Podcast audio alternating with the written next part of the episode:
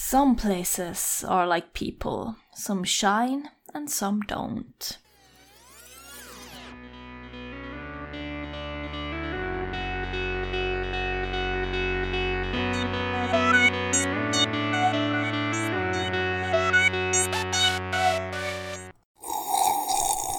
Känsliga lyssnare varnas. Det händer att vi spoilar filmerna ibland.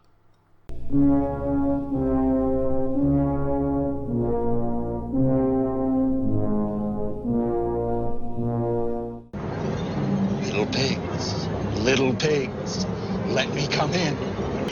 Not by the hair on your chinny chin chin. Then I'll huff, and I'll puff, and I'll blow your house in. Ah, va? Är vi jola? Är vi YOLO allihopa? YOLO! YOLO? YOLO 1, YOLO 2, YOLO 3, YOLO 4, YOLO 5. Ja. Fem! ja. För eh, vi är i Film till fikat med mig Gustav. Mig, Linda. Mig Matti. Vi har ingen ordning på detta. Nej, mig Ulf. Och vem mer? Mig, Heidi. Yeah. Hej Heidi! Vi har gäst! Kul att vara med er. Det är kul att ha Välkommen. med dig.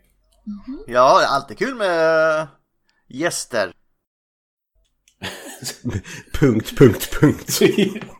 Så nu är vi, jag höll på att säga two and a half men, men jag, jag vet inte riktigt om jag får ihop detta. Va? Va? Ja, vi har ju Linda som token black guy, så nu har- får vi ju ha en tjej med också i podden. Yay! Och en black guy. Hon vet bara inte om den. Nej. Nej, det är sant. Men, eh, vem är du Heidi höll jag på att säga? Ja, nej men jag hänger annars eh, på Mindy bredd och rollspelspodd och är med eh, och spelar eh, rollspelet Gothams räddning just nu. Med eh, bland annat Amanda Steg, Stenback och eh, Mikael Fryksäter. Eh, så att, och ja, nu så skulle det prata skräckfilm och då var jag jättetaggad. Ja, det ryktar ju som att det, det var någon som vaknade till liv när Shining nämndes. Oj, nu sa jag att jag skulle... Ja, jo, det, så, kan det, så var det absolut. Sa det förbjudna ordet Gustav. Nej, förlåt. Ja, det... Nej, nej, alltså vi har, ju en gruppchatt på Mindy där jag också är med. Och så pratade vi om eh, förra veckan liksom så här, "Ja, men nu ska vi se The Shining. Så bara så här, chatten stannade upp ett ögonblick. och bara så här, Shining? Va? Ja, ja, ja, jag är på.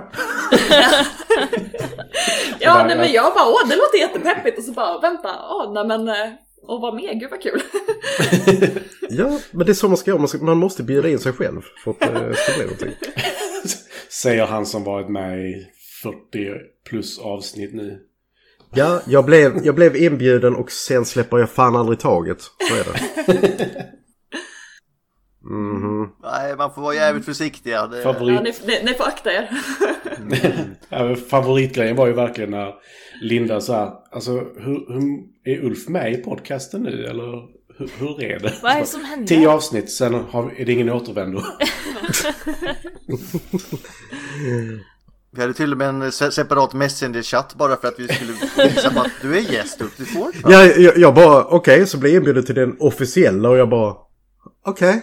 Ja, men vi vi väntade tills du hade varit med i tio avsnitt också. Vi pratar inte om andra saker Vi i den inofficiella men fine.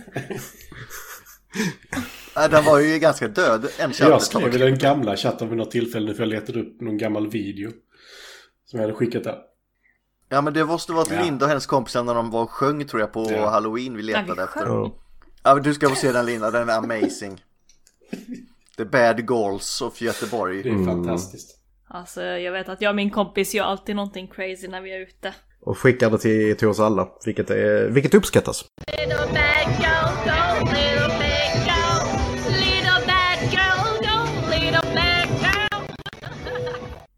Girl. Vi tackar. Men Ja. eh, tar vi tillbaka fokus lite till Heidi här, för det är ju ändå du som är gäst. Jag brukar få reel in det här gänget och mig själv ganska ofta. Så vi brukar ha lite frågor när vi har gäster och det är ju ganska relevanta frågor De flesta av dem. Så då kör vi med den första och viktigaste frågan då. Det finns två typer av människor här i världen.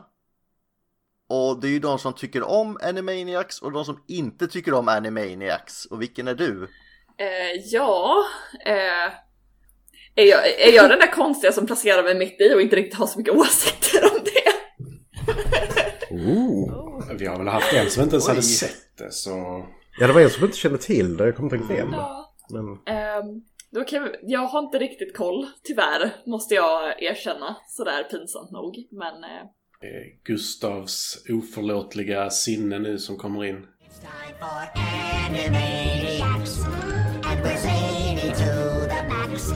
So just sit back and relax, you'll laugh till you collapse.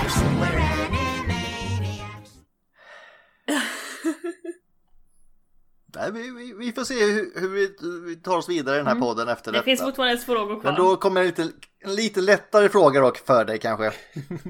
ja, detta svek. eller om ni får slänga ut mig nu liksom. Samtalet bara avbryts. Så här ty- Samtalet stannade upp och eh, men vi kör en lite lättare fråga då Heidi. Om det är komedi eller skräck om du får välja. Skräck. Any day. I dig. Känner du att det finns någon film som du känner den här filmen måste ha en remake? Oh, det är en spännande fråga. Ehm, Ja, gud. Eh, nu, oh, det, här, det här blev svårt. Alltså, jag tycker det där är jättesvårt för att det, det skulle ju vara en film som man då gillade idén men inte utförandet på på något sätt. Eh, för Mm. att, eh, och bara göra en remake för att göra någonting nyare som redan är bra sedan innan. Det kan ofta slå ganska tokigt känner jag. Men eh, gud, jag kan inte komma på någonting rent spontant sådär. Eh, faktiskt. Vad säger vi? Dune kanske skulle få en remake någon gång. Vad säger vi om det? Ja, det kan man ju absolut göra. Jag ska se den nästa vecka. Ja, jag vet inte om jag vill se den faktiskt. Det- jag väntar. Om man säger så, man, man börjar ju väldigt lågt så den är kanske lättare att göra bättre. Ja, men så kan det absolut vara. Om, vi- alltså, eh, än så länge har du ett rätt i alla fall. Ja. Det, det är mer än många. Kan man på frågorna? Ja, jag, jag bedömer om man har rätt eller inte. Vad bra, vad bra.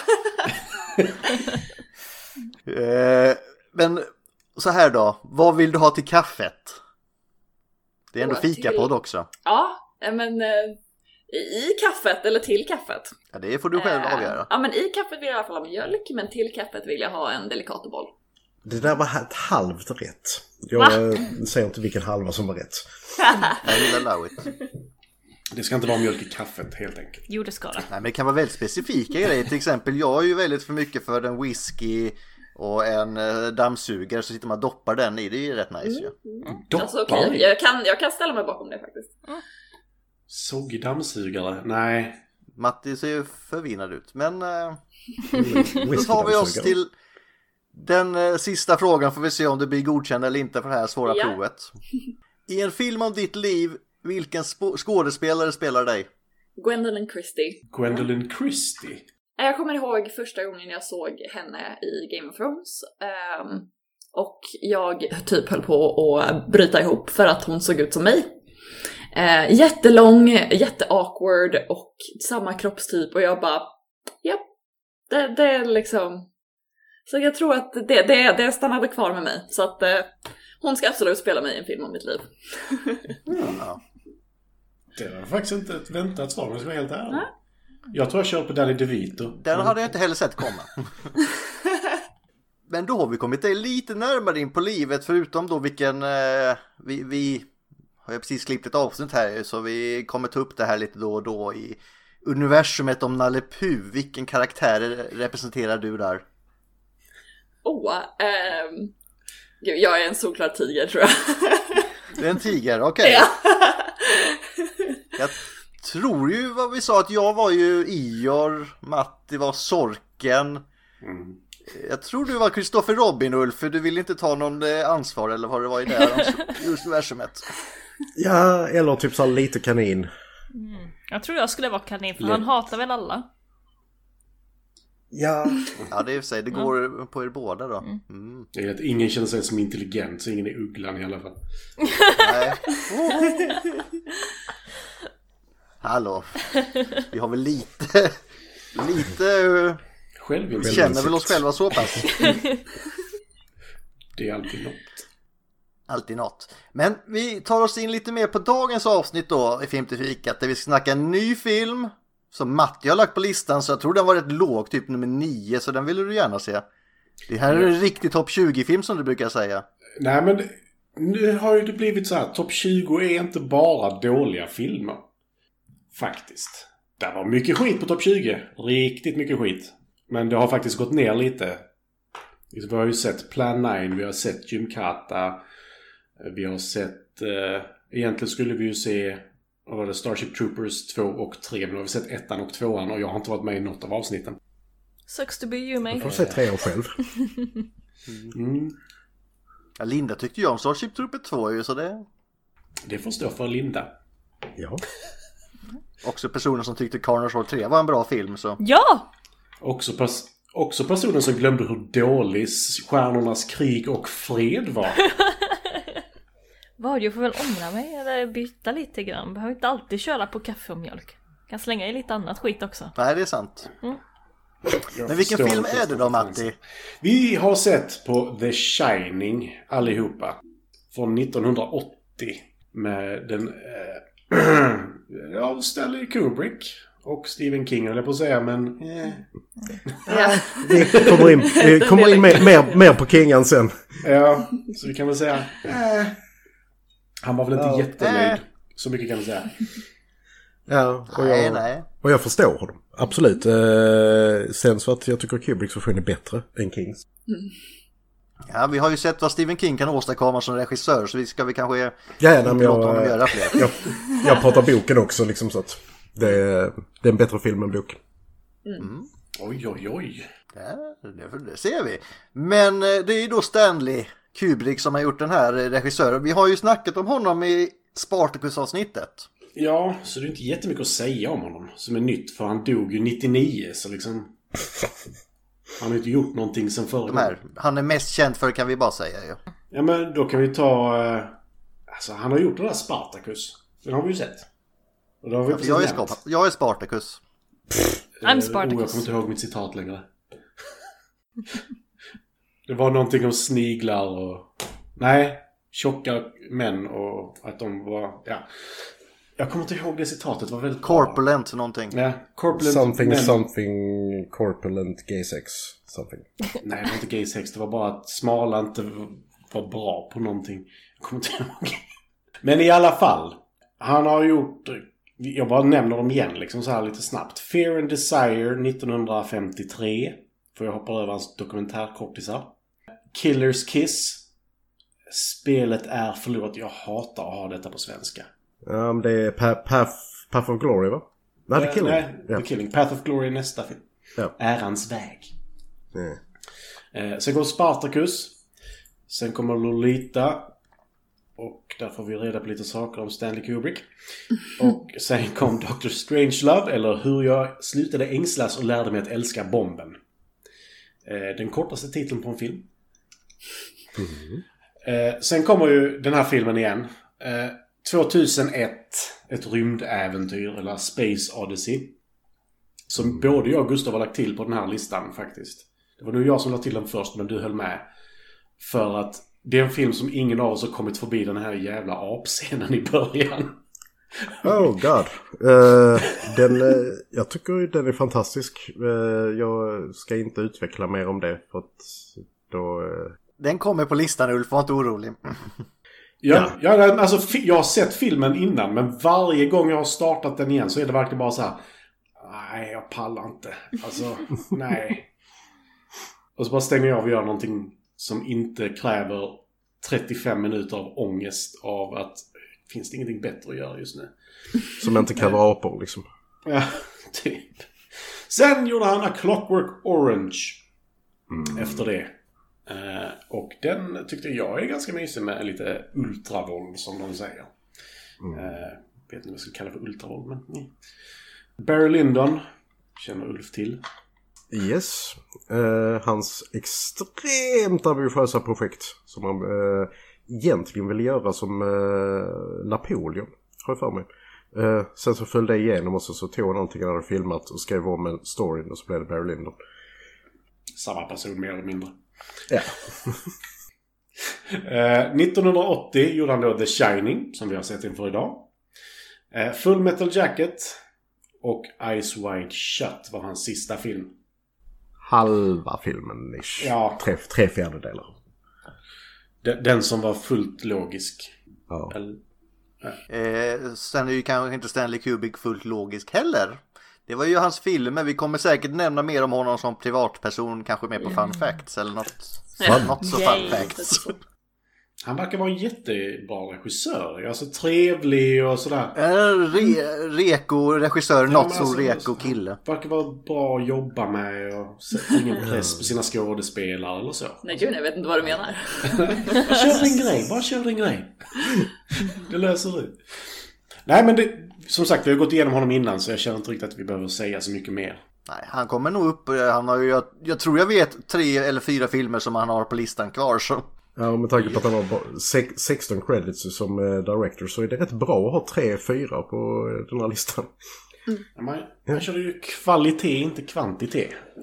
Ja. Eh, på tal om kvalitet och inte kvantitet, vilka skådespelare har använt sig av Ulf? Börjar du? Ja, jag kan börja. Och eh, då är jag absolut rätt där. För att, eh, som jag och Matti pratade om innan, eh, att Jack Nicholson, han står ju för eh, kvalitet framför kvantitet. I alla fall efter han slog igenom. Eh, för att han har bara, inom citationstecken, 79 credits. Men att han har hållit på sedan 56, så det är ändå eh, ganska lite om man jämför med många andra. Han hade inte ett jättestark, jättestark början utan han spelade ju mycket ehm, tv-filmer och tv-serier. Eh, ingenting sådär som är värt att nämna riktigt. Han hade, han hade dock en roll i Little Shop of Horrors från 1960 som är, eh, brukar, eh, han brukar bli credited för att det är hans första film. Det är det inte. Hans första film var The Cry Baby Killer eh, från 58. Men eh, Little Shop of Horrors blev definitivt mer känd. Han slog igenom, eh, får vi säga, med eh, buller och bång med Easy Rider 69. Där han fick sin första Oscarsnominering. Han spelar eh, advokaten George Hanson. Som inte är som alla andra advokater. Om vi säger så.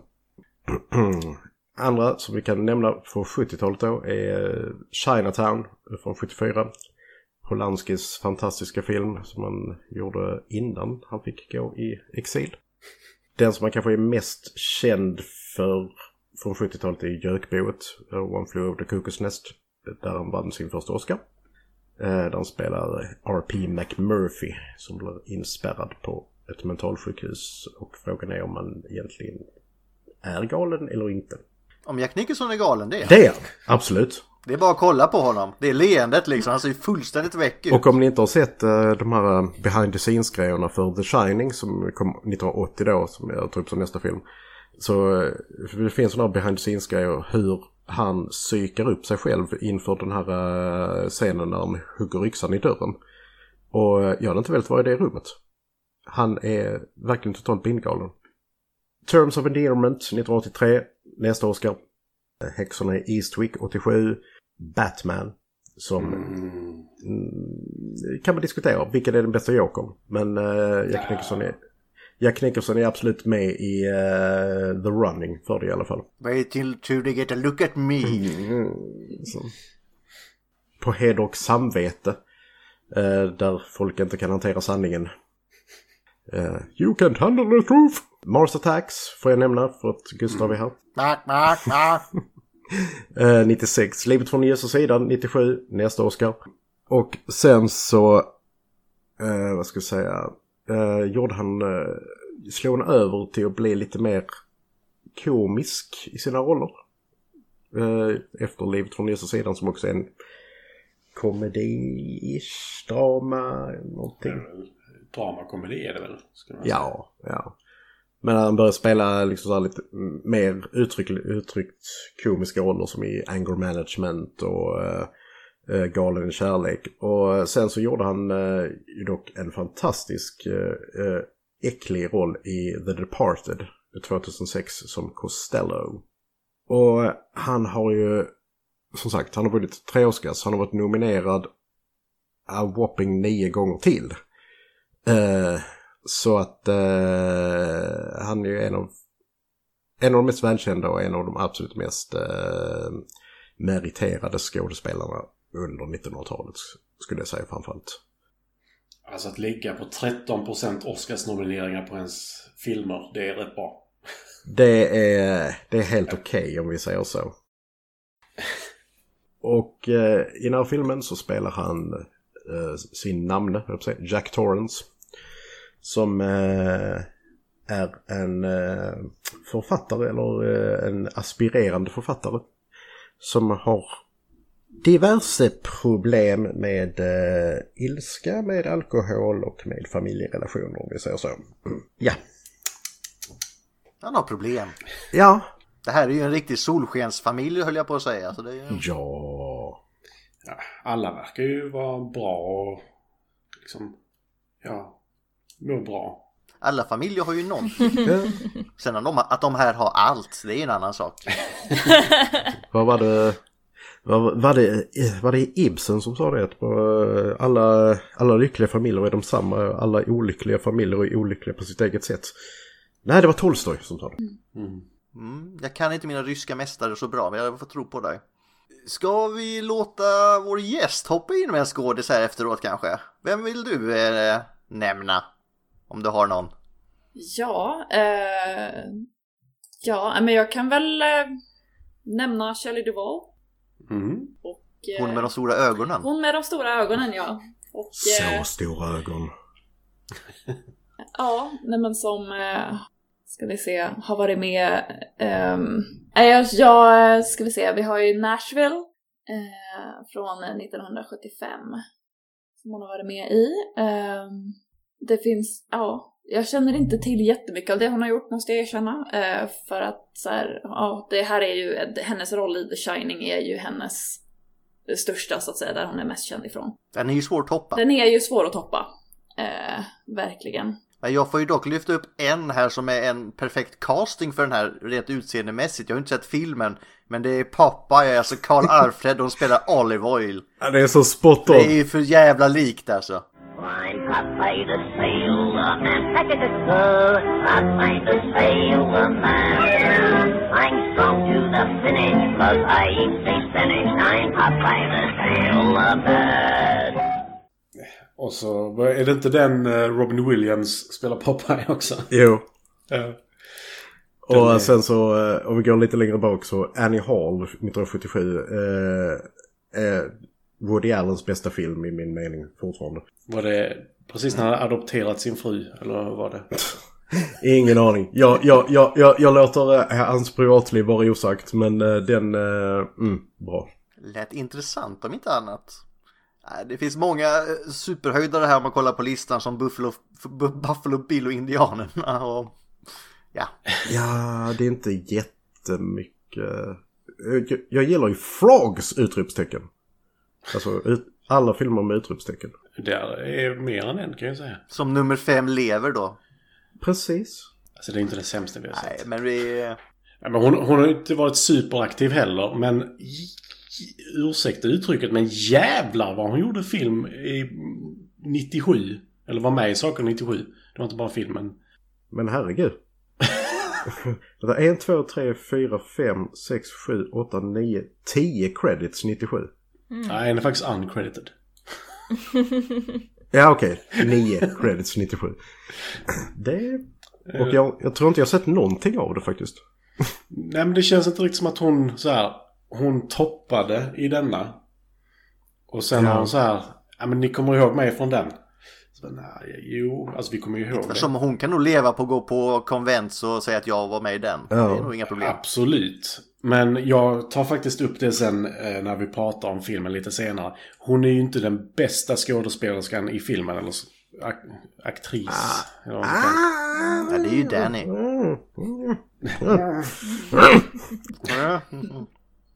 Sen ska vi nämna Time Bandits är också- rätt känd 81. Inte för att den är jättebra. Eh, och eh, sen så var hon med i Tim Burtons eh, genombrott Frankenweenie. Den här kortfilmen. Så gör Jag har bara rösten sett till... kortfilmen, jag har inte sett den hela eller vad man ska säga. Gjorde rösten till Susan Frankenstein. Eh, Linda, Ja, nu kommer inte jag fråga, nu kommer jag ge dig en skådespelare här. kör på då. Du ska, spela, du ska ta Scatman, du vet han som sjunger så här ba, ba, be, ba, ba, ba.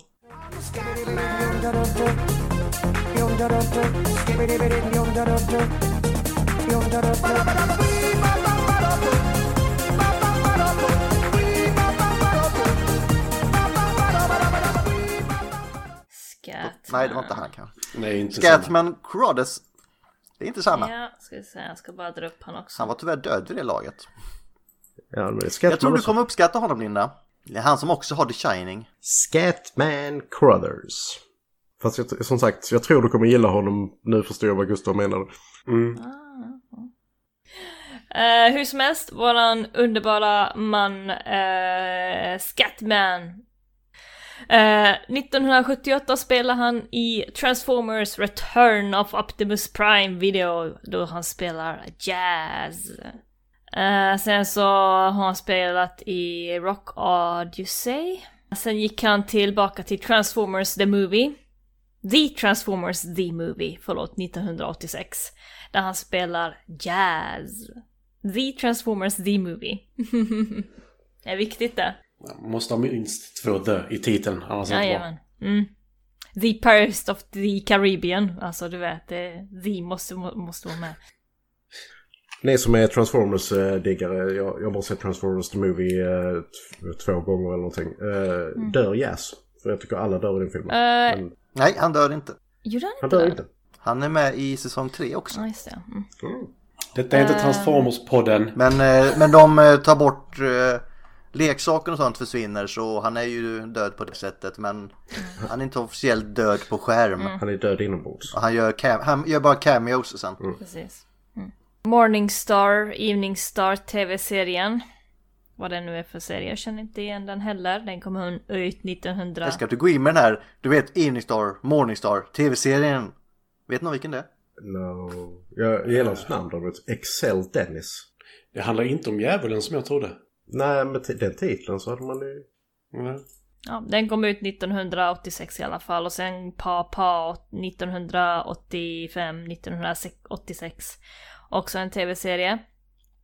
Sen så spelade han i The Transformers tv-serien. Eh, 1984 till 1986 där han spelade karaktären Jazz.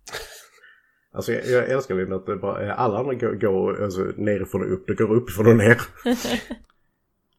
Och sen, sen spelar han i, i tidigare men eh, go for it. Jag, jag tar den listan jag har på IMDB, ni får skylla på dem. Jag läser bara. Vi har samma lista. Fuck you. Ja, där är ju faktiskt en eh, koppling till, eh, till Jack Nicholson i övrigt också. Med Jökboet. Ja. Och det är också en Transformers-koppling. Eh, Han har spelat lite i andra filmer här, jag scrollar nu lite grann. Eh, men det är mycket tv-serier och sånt där. Jag tänkte du kan ju lyfta den där han är så typecastad man kan bli. Vilken då? Ja, Scatman är ju är med i Aristocats och vad spelar han där? Scat Cat! Jaha! Åh! Uh, Den eh, svarta katten. precis. Well, little lady, let me elucidate here. Everybody wants to be a cat because a cat's the only cat who knows where it's at. Ja. Åh, han spelar Crabman. Jag, jag, vill bara säga, Cra- jag, jag vill bara säga Crabman för uh, I, My name is Earl. Men i, i Porgy and Bess eh, så spelar han Crabman. Hej Earl. Hi Crabman! Oh my god, det finns en film som han har varit med i som heter Linda Lovelace of eh, President. 1975. Ja. Linda Förlåt, Lovelace. inte Linda Lovelace. Mm, nej. Eh, Den typen av stjärna ja. Eh, där spelar han någon som heter Super Black. Ooh. Vänta, när, när, vi- vilket, vilket, vilket år sa du? Jag måste kolla upp vad tusan är. Eh, 75. 1975. Mm. Mm, Ett väldigt odd eh, namn. An intentionally campy film designed to capitalize on Linda Lovelace's sudden fame following a deep throat. Ja.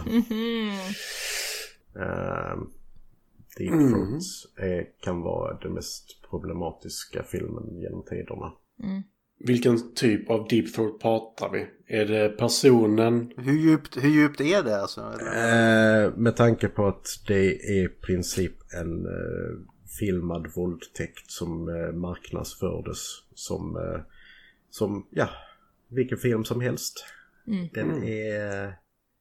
Och den blev väldigt, väldigt stor inom eh, adult filmkretsarna. Och sen så gjorde Linda Lovelace en dokumentär om inspelningen många år senare. Ska vi köra vidare på den positiva noten? Kan vi köra vidare på det efter kanske det ja? Iron Aside, tv-serien 1973. Detroit 9000, också 1973. Och eh, jag försöker hitta någonting annat här som, som inte är sådär himla mörkt. Disneyland, nej det är också rätt mörkt. Det låter ju fint. ja? Vi har ju den här fina flykten från strafflägret. Mm, Ja, okej. ja. Ja, det, det är inte mörkt. Nej, nej. Nej, okej, jag har inget med. Yes Sir, Mr Bones 1951 var typ hans första film som jag kan se här. Så det var det om honom. Jag tycker han spelar som en bra karaktär i den här eh, filmen. Jag tyckte verkligen om hans karaktär. Eh, good work. Good for you man. Höll på att säga en av de få älskvärda i filmen. Ja, och eh, när vi kommer till eh, min bokjämförelse sen så eh, har jag mycket mer att säga om den karaktären. Då kommer vi tillbaka till. Men jag tror vi nöjer oss med skådespelare för idag faktiskt. Va? Absolut. Det blev kanske till och med för mycket. Det vet vi inte. Ja, det får vi se. Utan vi, vi går in på själva filmen istället Matti va? Det kan vi göra. Det här är ju ditt filmval så då är det dags för dig att do the time. Det är inte ofta jag skriver ner saker, men i denna vill jag skriva ner. Oj oj oj, nu har vi höga förväntningar då Matti. Ja, du vet hur jag skriver punkter och det är fullt logiskt. Vi har vissa saker i caps, eller versaler, så vi får se hur det går. Olika typsnitt. Nej, jag har gjort det i Notepad, vilket innebär att det finns ett typsnitt och det är det det blir. Och när det är stora bokstäver nej då så skriker du ut det NEJ! Nej, nej, nej! Inte fel strumpor, Gustav. Nej, nej, nej! Ja, Jag har väl rätt, jag har bolsterstrumpor i redbomull. Mm, det är bra, det är bra. Det är de enda som man är värda att ha. Ingen tar den referensen, men det är bra. Men ska jag börja så att vi blir klara idag? Ja. Då börjar vi. Filmen börjar med att vi flygandes följer en väg som går upp i bergen med träd och skogar runt omkring. Vi slits ut ur denna vackra vista av inte bara den läskiga musiken men även troligtvis den fulaste texten man kunde valt för att använda i introt i film, av filmen. Turkos text blaffad rakt på. Fy fan vad fult det var. Det var fruktansvärt. Jag trodde först att jag hade fått fel version eller något, att det var... Ja men det kändes som så här såpa från 80-talet Ja. verkligen så här. Jag kan säga att den texten lades, lades dit i efterhand och inte av Kubrick. Eh, att Den lades han, dit av en treåring som heter Bengt. Han, eh, typ. Nej men han, han, eh, han hade en helt cold opening utan någon som helst text. Och det hade varit så mycket bättre. Eller bara vit text. Det hade räckt. Jag tror allting är bättre faktiskt. Ja, lite så. Men, Inte för sån men det här uh, matte-paintingen i Death Race 2000 är snyggare än vad den texten Ja. är. Ja. faktiskt, den skär inte lika mycket. Eh, Men! Vi introduceras till Jack Torrance, som spelas av Jack Nicholson. Och jag har bara skrivit upp skådespelarnas namn här, för det var lättare än att hålla ordning på allting annat. Men han heter Jack, så det är ännu lättare. Med tanke på att vad är det två de delar namn? Jack och Ja. Danny. Danny heter ju. Danny också. Så. Ja, så det är perfekt. Eh, Men han är på jobbintervju för att vakta ett hotell över vintersäsongen. Och det är ju det här Overlook Hotel som han kör upp till i introt med den turkosa texten. Eh, Han får reda på att en tidigare vaktmästare högg ihjäl sin familj där för några år sedan. Sen när, när han blev galen av ensamheten med sin familj. Och jag känner, med tanke på hur stort det här hotellet är. Du behöver liksom inte umgås med dem om du inte vill. Men eh, det är kanske bättre att yxmörda dem. Jag vet inte. Och sen så en liten parentes att det är begravd på en indiankyrkogård. Det är liksom bara så här, eh, lite i förbifarten. Det hörde liksom till på den här tiden tror jag. Ja, det var väldigt mycket så. Mycket Stephen King har ju, han har ju använt det, den tropen x antal gånger tidigare också. I andra Ja, grejer. det, är det kokainet som har gjort det? Kan det vara? Så, bara, jag har nog inte använt den innan. Men vi på det, vi på det. Ja, bra idé. eh, Sen har vi Shelley Duvall och hennes son Danny, som i denna filmen gör en mycket bättre prestation, skulle jag säga. Sitter och äter frukost och myser lite. Mamma röker. Och vi introduceras till Tony, pojken som bor i Dannys mage och finger. Och får även reda på att Tony är synsk, för han vet att pappa fick jobbet. Eh, Danny trillar ner när han borstar tänderna. Eh, när han får se två systrar hålla handen och vi får reda på att Jack slet Dannys axel och led för ett tag sedan när han kom hem full. Sånt som händer enligt mamma. Han har faktiskt inte druckit på fem månader Matti. Nej, men det, det roliga är när mamma berättar detta, både jag och Karin i samma ögonblick så här. Yeah. så, och hon verkar med, ja men du vet sånt som händer. Så, så bara, nej det är inte sånt som händer. Ja, Han tog i lite extra mycket när han var arg. Bara, mm. Nej men hon är ju så hunsad. Så att det är Oh, ja. liksom... Ja. Det kan vi ta upp sen när han får sin så här lilla Du stör mig lite älskling. Eh, familjen åker upp till Overlook Hotel och får en snabb genomgång av hotellet. Danny får även se de två systrarna på hotellet som vänder sig om och går när de känner att de har liksom skrämt honom tillräckligt. Jag tycker den scenen är så underbar för man ser Danny vettskrämd.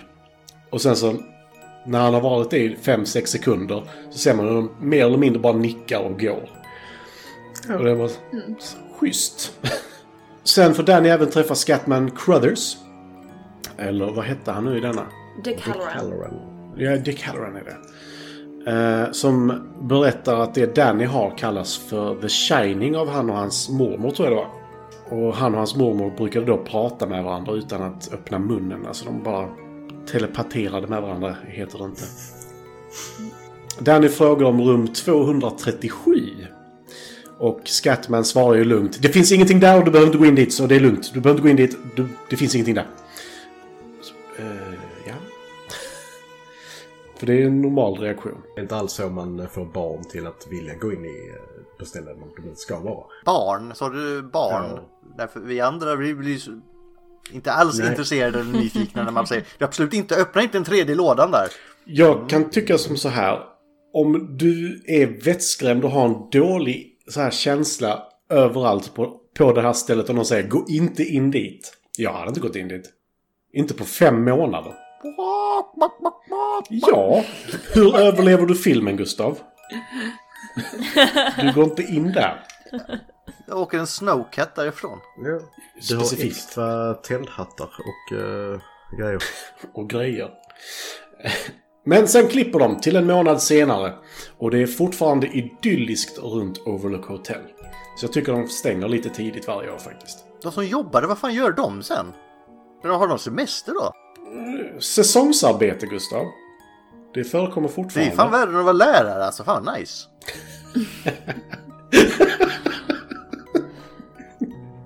Ingen pik alls. Efter den hyllning du fick i avsnittet för någon vecka sedan Ulf kan du få den. Ja, tack, tack, tack, tack. Eh, Jack använder det näst största rummet i huset som sitt kontor och skriver på sin bok. Danny cyklar Big Wheel och trampar järnet i de olika korridorerna på de olika våningarna. Osäker på om Jack har Shining när han tittar ner över modellen av labyrinten som finns på tomten. När man får se Danny och Shelley gå runt i. Ja, jag kom, kommer till det sen. Ja, för alltså jag har inte läst boken. Och den scenen är väldigt sådär, han står och tittar ner och den klipper till liksom den shotten. Så det, det är intressant tyckte jag. Ja, den tänkte jag också väldigt mycket på under den scenen. Jag har, jag har också läst boken kan jag ju flagga för. eh, Så att jag Mm. har en del jämförelser där också. Ja, nej, för den, det är väl, jag reagerade verkligen där för han har ju någonting, Jack. Sen vad det är vet jag inte för jag har inte läst boken. Och det kanske inte ens framkommer där, det vet jag inte heller. Men Mental sjukdom. Ja. jo, Mental också... sjukdom och eh, typ eh, sen onset av eh, delirium skulle jag säga. Mhm, nej, det tycker jag inte. Vi kommer in på det sen. Han kanske har sprungit ut och ätit saker man inte ska prova. Vem är det som går runt och äter svamp hela tiden? Det är ju jordens medelpunkt. Ja, just det. Just det.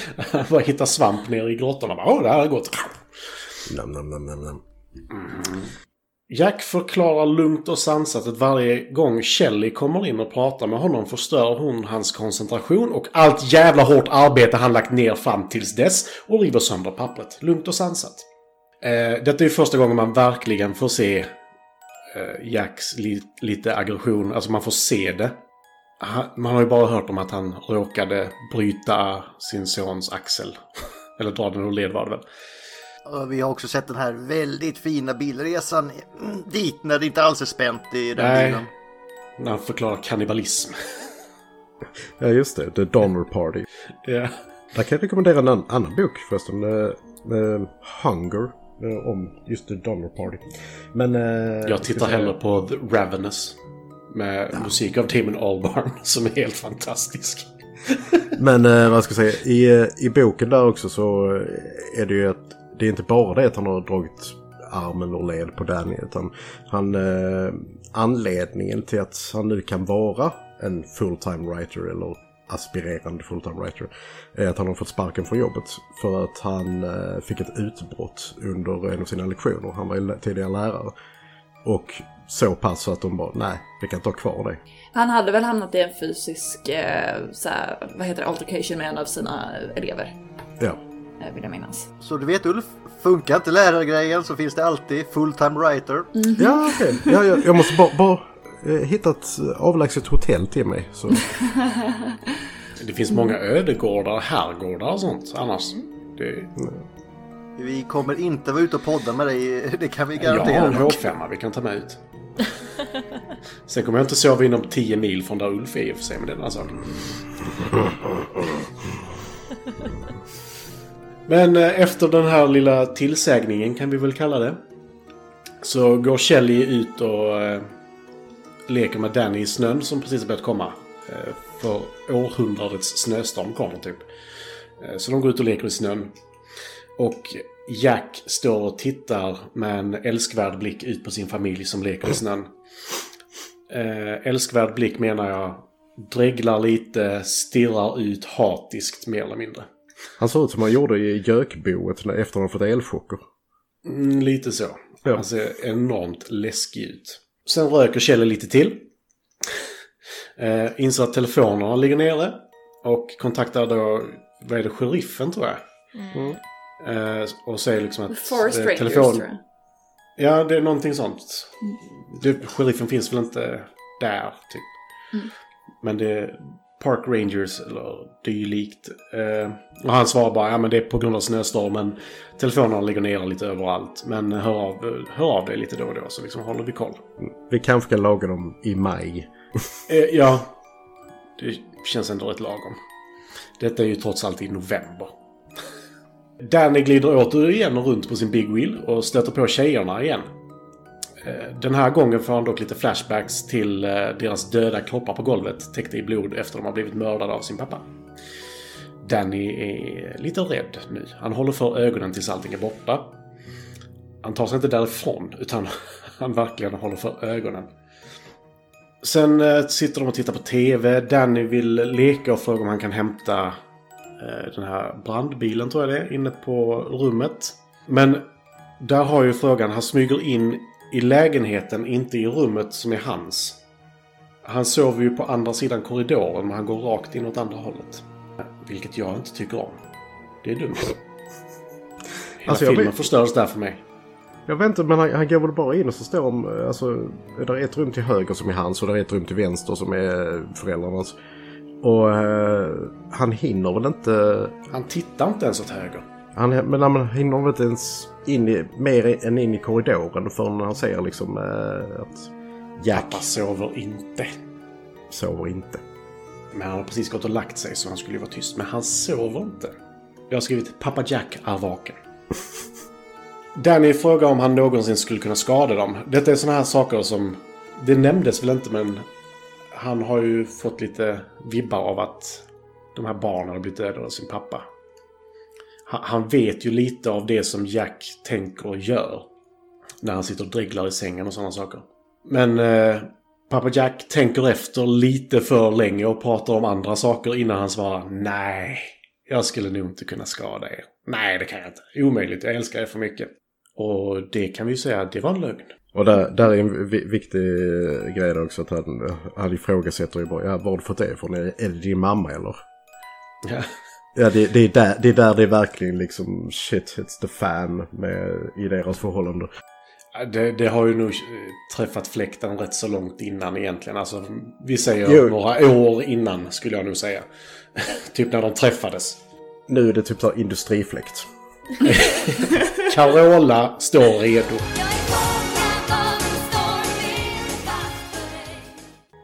Ja. Fångad av en skitvind. Ja, fan. ja. Av en shitstorm då. Ja, nej, men så här. Fis inte i motvind kan vi säga. Eh, Danny har nu på sig en asball stickad Apollo 11-tröja. Jag vill ha den tröjan. Den hade inte passat mig, men den var jävligt cool. Eh, och går in i rum 237 som han innan har stannat utanför och försökt ta sig in i, men då kom han inte in. Och så startade han sin Big Wheel med att rulla bakhjulet. Jag gillar det. Men nu är det öppet, så han går in. Eh, och sen klipper den ganska snabbt efter att han gått in. Men då börjar Jack skrika i sömnen medan Shelly gör hans jobb. Som han senare skäller på. Så här, jag har ansvaret, jag har gjort jättemycket. Han har inte gjort ett skit. Han skriker i sömnen eh, och sen så kommer Shelly och väcker honom. Och han går in lite mycket i detalj på vad han drömde om. Så här, jag drömde att jag dödade er och sen styckade jag era kroppar och sen så satte jag upp dem i fina högar. Lite mycket information. Det hade räckt med att jag hade en mardröm, jag vill inte prata om det. Eller jag hade mardröm att jag skadade er eller, eller, till och med dödade er. Men Kan vi inte nämna de små bitarna och liksom... Nej, det, det var ikväll och jag var... Nej, det, det är lite mycket. Eh, sen kommer ju Danny in Eh, och suger på tummen. För han är ju livrädd och smått traumatiserad kan vi ju säga. Med blåmärken på halsen. Detta gör ju att Kelly direkt tror att det är Jack som har gjort det. Och börjar skrika på honom. Och Jack säger ju inte nej heller. Han bara stirrar lite med öppen mun.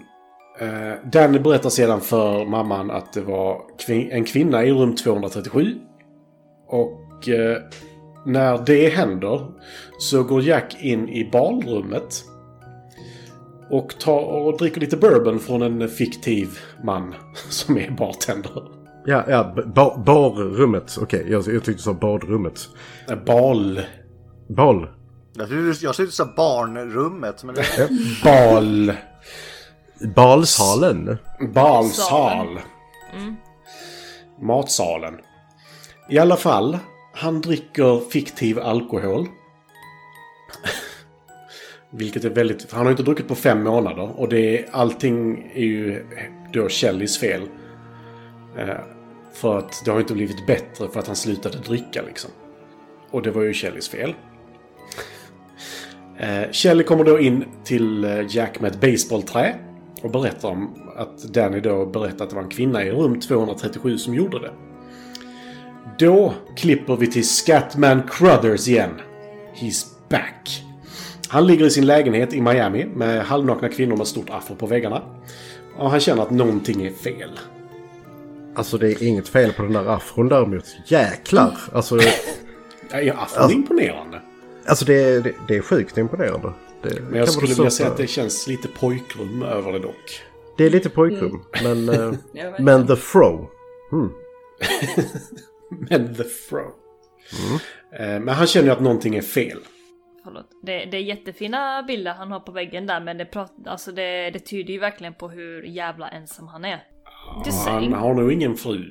Nej. Men alltså samtidigt, Nej. när man får se honom i resten av huset. Vem säger att det inte är hans fru på tavlan? Ja, Det det, kan vara hans fru på tavlan, ja, eller hans fruar. ja. Karin sa också det. Jag tror inte det. Men när man får se resten av huset så ser det ju inte alls ut som ett pojkrum liksom. Mm. Mm. För det, det såg jävligt nice ut faktiskt resten. Men i alla fall. Han känner ju att någonting är fel. Han använder ju The Shining, eller The Shinning som eh, vissa säger, skottar.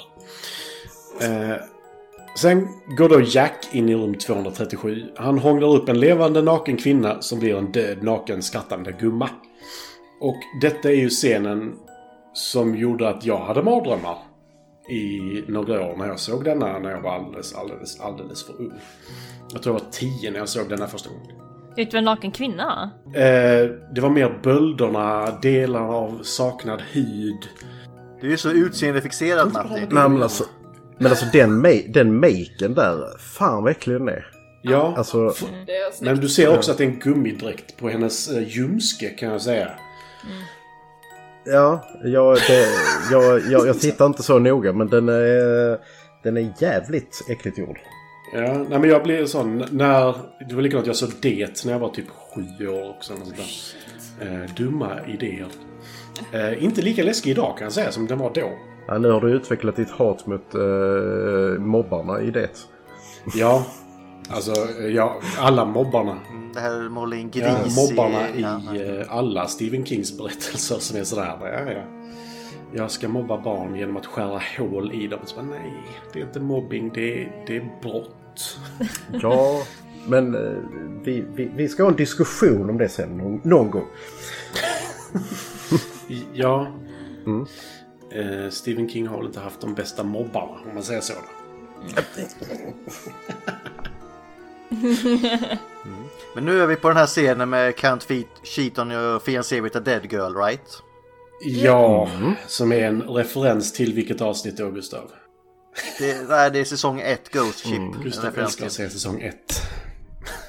Han hånglar upp den här skrattande gumman. Sen kommer Jack tillbaka till Kjell och bara Ja, så ingenting där. Det, det var lugnt. Det var ingen där. Alltså nyckeln satt ju i och dörren var öppen. Men jag hånglade inte med ett lik som inte ligger där egentligen utan bara finns i mitt psyke. Det är ingenting. Vad menar du? Ja, fast det är ju nog inte bara i en psyke för det verkar ju verkligen spöka här. Vilket får mig att tänka på en sak. Eller vi, vi kan ta det sen när det händer. Ja, eh, måste vara Danny som ströp sig själv. Som är en referens till eh, Death Race 2000, bland annat. Nej, förlåt. Nej. Scatman ringer till hotellet men kommer inte fram. Eh, För telefonen ligger ju nere. Så han ringer till eller parkvakten. Parkrangern. Eh, Ranger. Ja, ja Forest är det ingen park ju. Eh, Skogsvakten. Ja, så han bara, ja men jag, jag hör mig via radio till dem. Ring tillbaka om 20 minuter. Och han får inte tag i dem. För nu... Eh, nu har ju Jack börjat hålla på. För nu, från i halvfullt psykbryt har jag skrivit här. Så går han på balen i den stora salen igen. Och nu är det massa folk där. Och en av de som serverar spiller någonting på honom och tar med honom in i badrummet och torkar av säger några fula ord och eh, så här, nej men det... Eh, Jack känner igen honom. Och så bara, det, det var ju du som dödade dina barn och fru. Styckade deras kroppar och la upp i små högar. Jag kommer ihåg artikeln, jag läste den. Du är ball! Jag ska efterlikna dig. Varpå den här mannen svarar. Men det var ju du som gjorde det. För du har alltid varit vaktmästare här. Eller vaktis, skrev jag. Eh, Den scenen är lite förvirrande måste jag säga.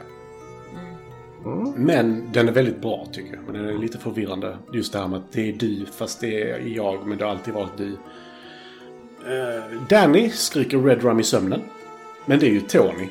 Som är den lilla pojken i hans mun och mage och finger. Och han svarar då att Danny sover och kommer inte vakna på ett tag. Uh, vilket är lite obehagligt att höra som en mamma. När ens son säger det. Jack, han eh, plockar ut lite saker ur radion. Att han inte förstör den tycker jag ändå är sådär... Det gör det mer psykotiskt. Han väljer att öppna den, ta bort tre delar och så bara gå iväg med dem. Och det är inte bra. För då kan ju inte de höra av sig till eh, någon. Och då får vi se hur Scatman flyger till närmsta flygplats, eh, till Overlook Hotel. Och han hyr en Snowcat. Som är det enda som kan ta sig till Overlook Hotel nu. För nu är det massa snö. Vad sa de? Det snöade typ fem meter snö eller något sånt där. Ja, de säger liksom att det var det värsta snövädret eh, de hade haft på hundra år eller någonting dit. Så. På en plats som var känd för snöväder. Ja, precis. Det var så här, de stänger ner för att det inte ska vara några när det är snö. För det går liksom inte att hålla vägarna öppna. Shelley läser Jacks manus vid det här laget. Hon letar ju efter Jack. eh, Med ett baseballträ som man brukar leta efter sin man med. Hon läser hans eh, bokmanus. Det är rätt dåligt. Eh, Hon blir rädd. Det är så pass dåligt. Repetitivt sådär. Det Ja. är lite upprepande. Ja, han, men han det har känns att fast han har träffat en vägg. Känns det lite som. Men då dyker Jack upp och frågar liksom vad, vad tycker du om boken nu när du läst den? Eh, hon är... Alltså, det, den är så dålig. Och hon blir rädd. Bara, nu ska jag gå. Du, alltså jag vill inte vara gift med dig. Så dåliga böcker du skriver. Han är nu ganska käpprätt åt helvete galen, skrev jag. Ulf ville ha Jacks jacka. Och eh, Shelley lyckas på något sätt, hur hon lyckas med detta övergår mitt förstånd. För hon har ingen kroppskontroll. Men hon lyckas slå honom i huvudet med basebollträet. Och han svimmar. Alltså hon slår ju ändå 20 gånger i luften så en av 20 träffar hon ju. Är det rätt skickligt då när hon står och håller basebollträet på typ halva ledden också. Så det Men alltså, ja. bra swing i När hon verkligen träffar så det, det är först, hon träffar ju först när hon, hon glider ner med händerna och håller det som man ska hålla det. Ja.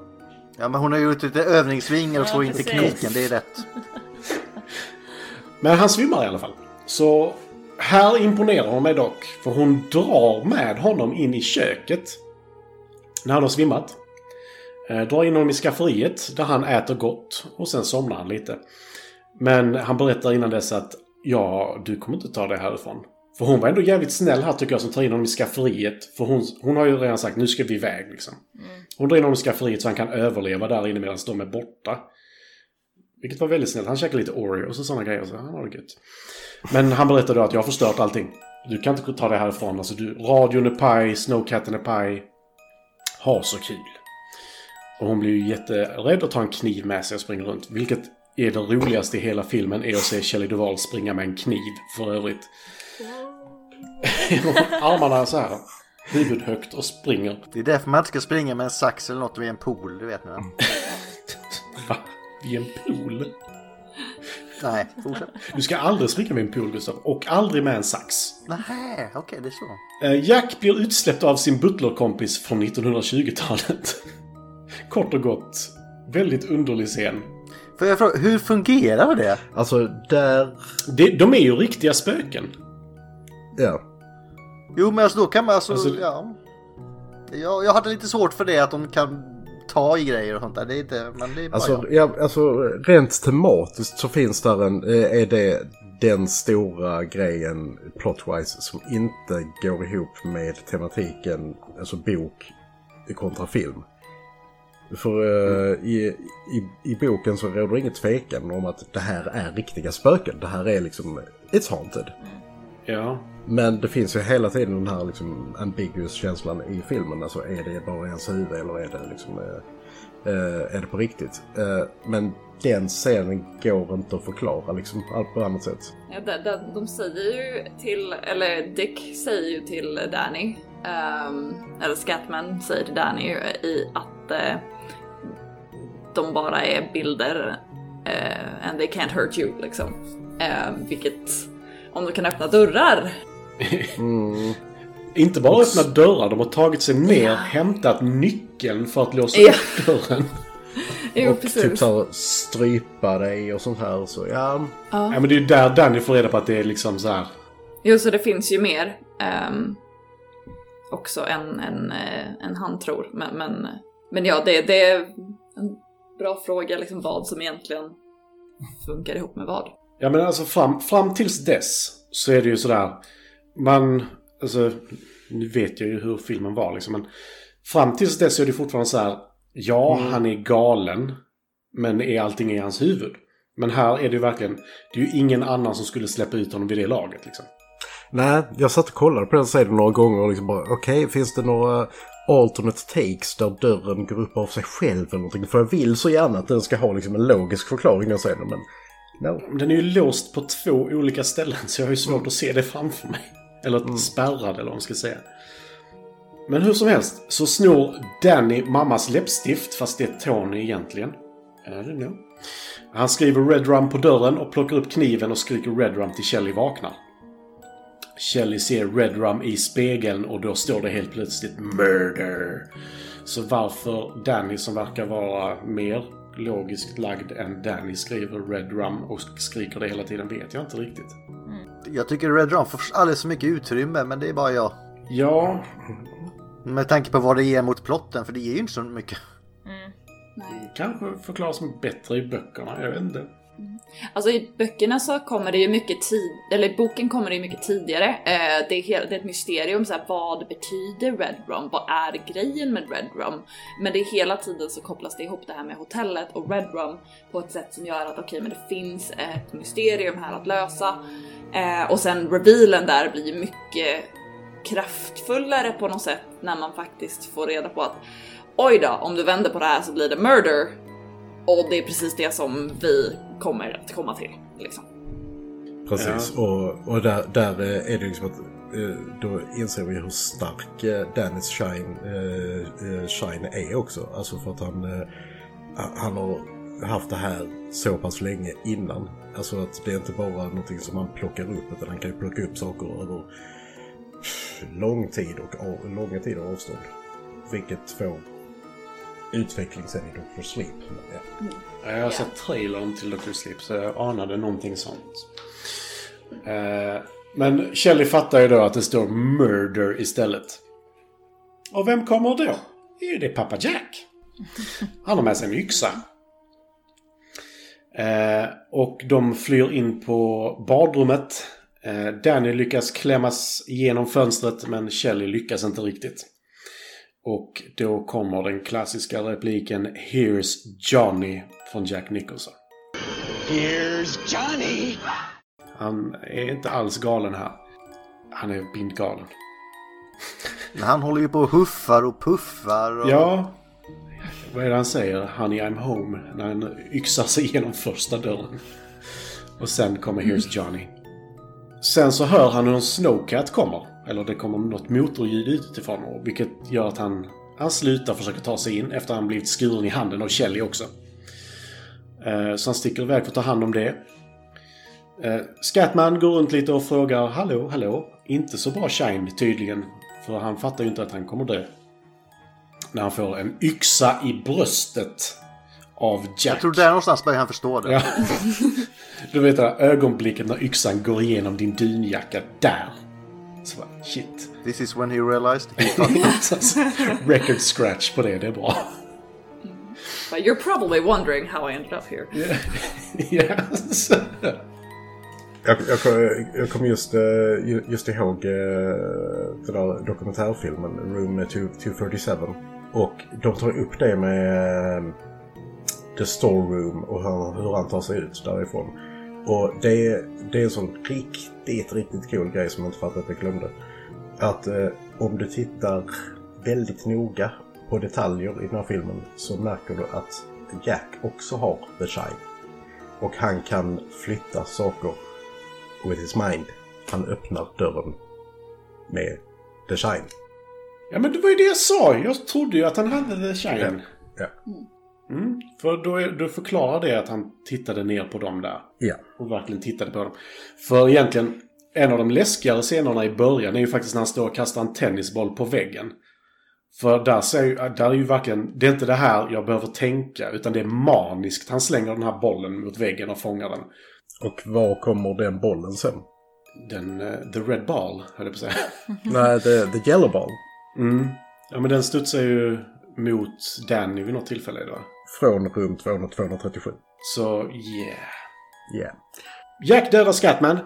Danny flyr ut i snön. Eh, ut i labyrinten till och med.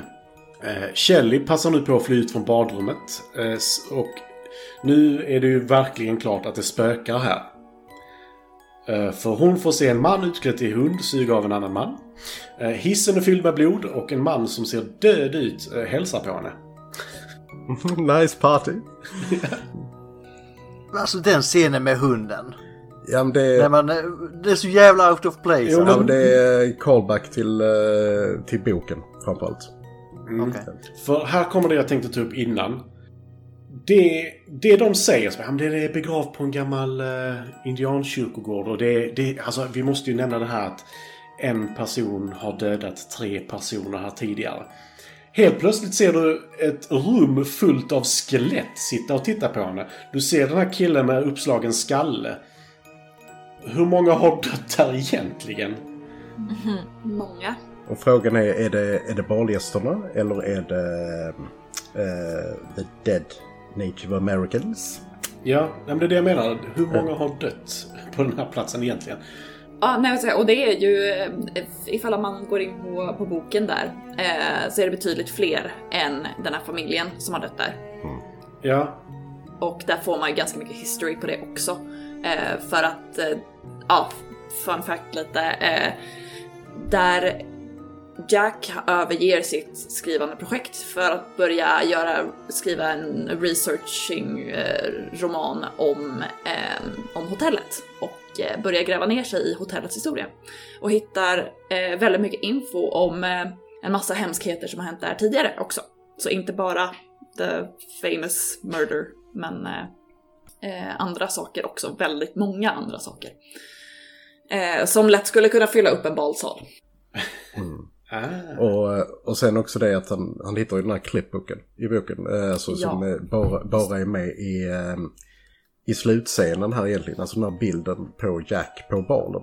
Mm. Det, eh, det är det som verkligen liksom så här, eh, säljer det för honom i boken. Att bara, okej, den här killen är liksom så här spot on lik mig. Vad är, vad är, är en släkting? Vad, vad är det som händer? Ja, för vi sa ju aldrig vad han hade skrivit. Vi sa bara att manuset var dåligt. Ja, All work and no play makes Jack a dull boy. Han har inte jobbat så mycket heller. Alltså det är ju hon som har gjort allt. Han har bara suttit och låtsat jobba. Ja. ja, bokstavligt talat. För det är det enda han har skrivit. Ja, om och om och om igen. Ja. Men det, eh, alltså det är ju så jävla briljant. Alltså just att han har, eh, på tal om, eh, som du var inne på Matti, att han inte slår sönder radion utan han plockar delar ur den. Alltså just att det är felstavat, men det är inte samma felstavning, utan det är felstavat lite här och där. Det är olika radavstånd, det är i olika paragrafer. Alltså det är liksom verkligen, han har verkligen gått in för det här. Ja, så det är inte men- bara att han har... Utan, Ja, nej, men inte för att vara sån. Jag kommer spoila det redan nu. För detta är... Den scenen, nu är jag ju långt tillbaka i filmen egentligen, men den scenen är ju enligt mig det mest skrämmande i hela filmen idag. Att se att den här mannen har suttit där i månader och bara skrivit samma mening om och om och om och om igen. Och verkligen stör mig inte, du förstör allting varje gång du kommer in här. Och så skriver han samma mening om och om igen. Och det, den grejen är bara så här shit. Där fattar du hur jävla galen han är. Det är mer galet än att slå sönder två dörrar med en yxa, enligt mig. ja, det är, det är galenskap under så mycket längre tid. Ja. Men. Sen slutar filmen faktiskt ganska tvärt efter detta. För Danny lyckas komma undan Jack i labyrinten. Och fly med sin mamma. Och sen så klipper de bara till att Jack är stelfrusen.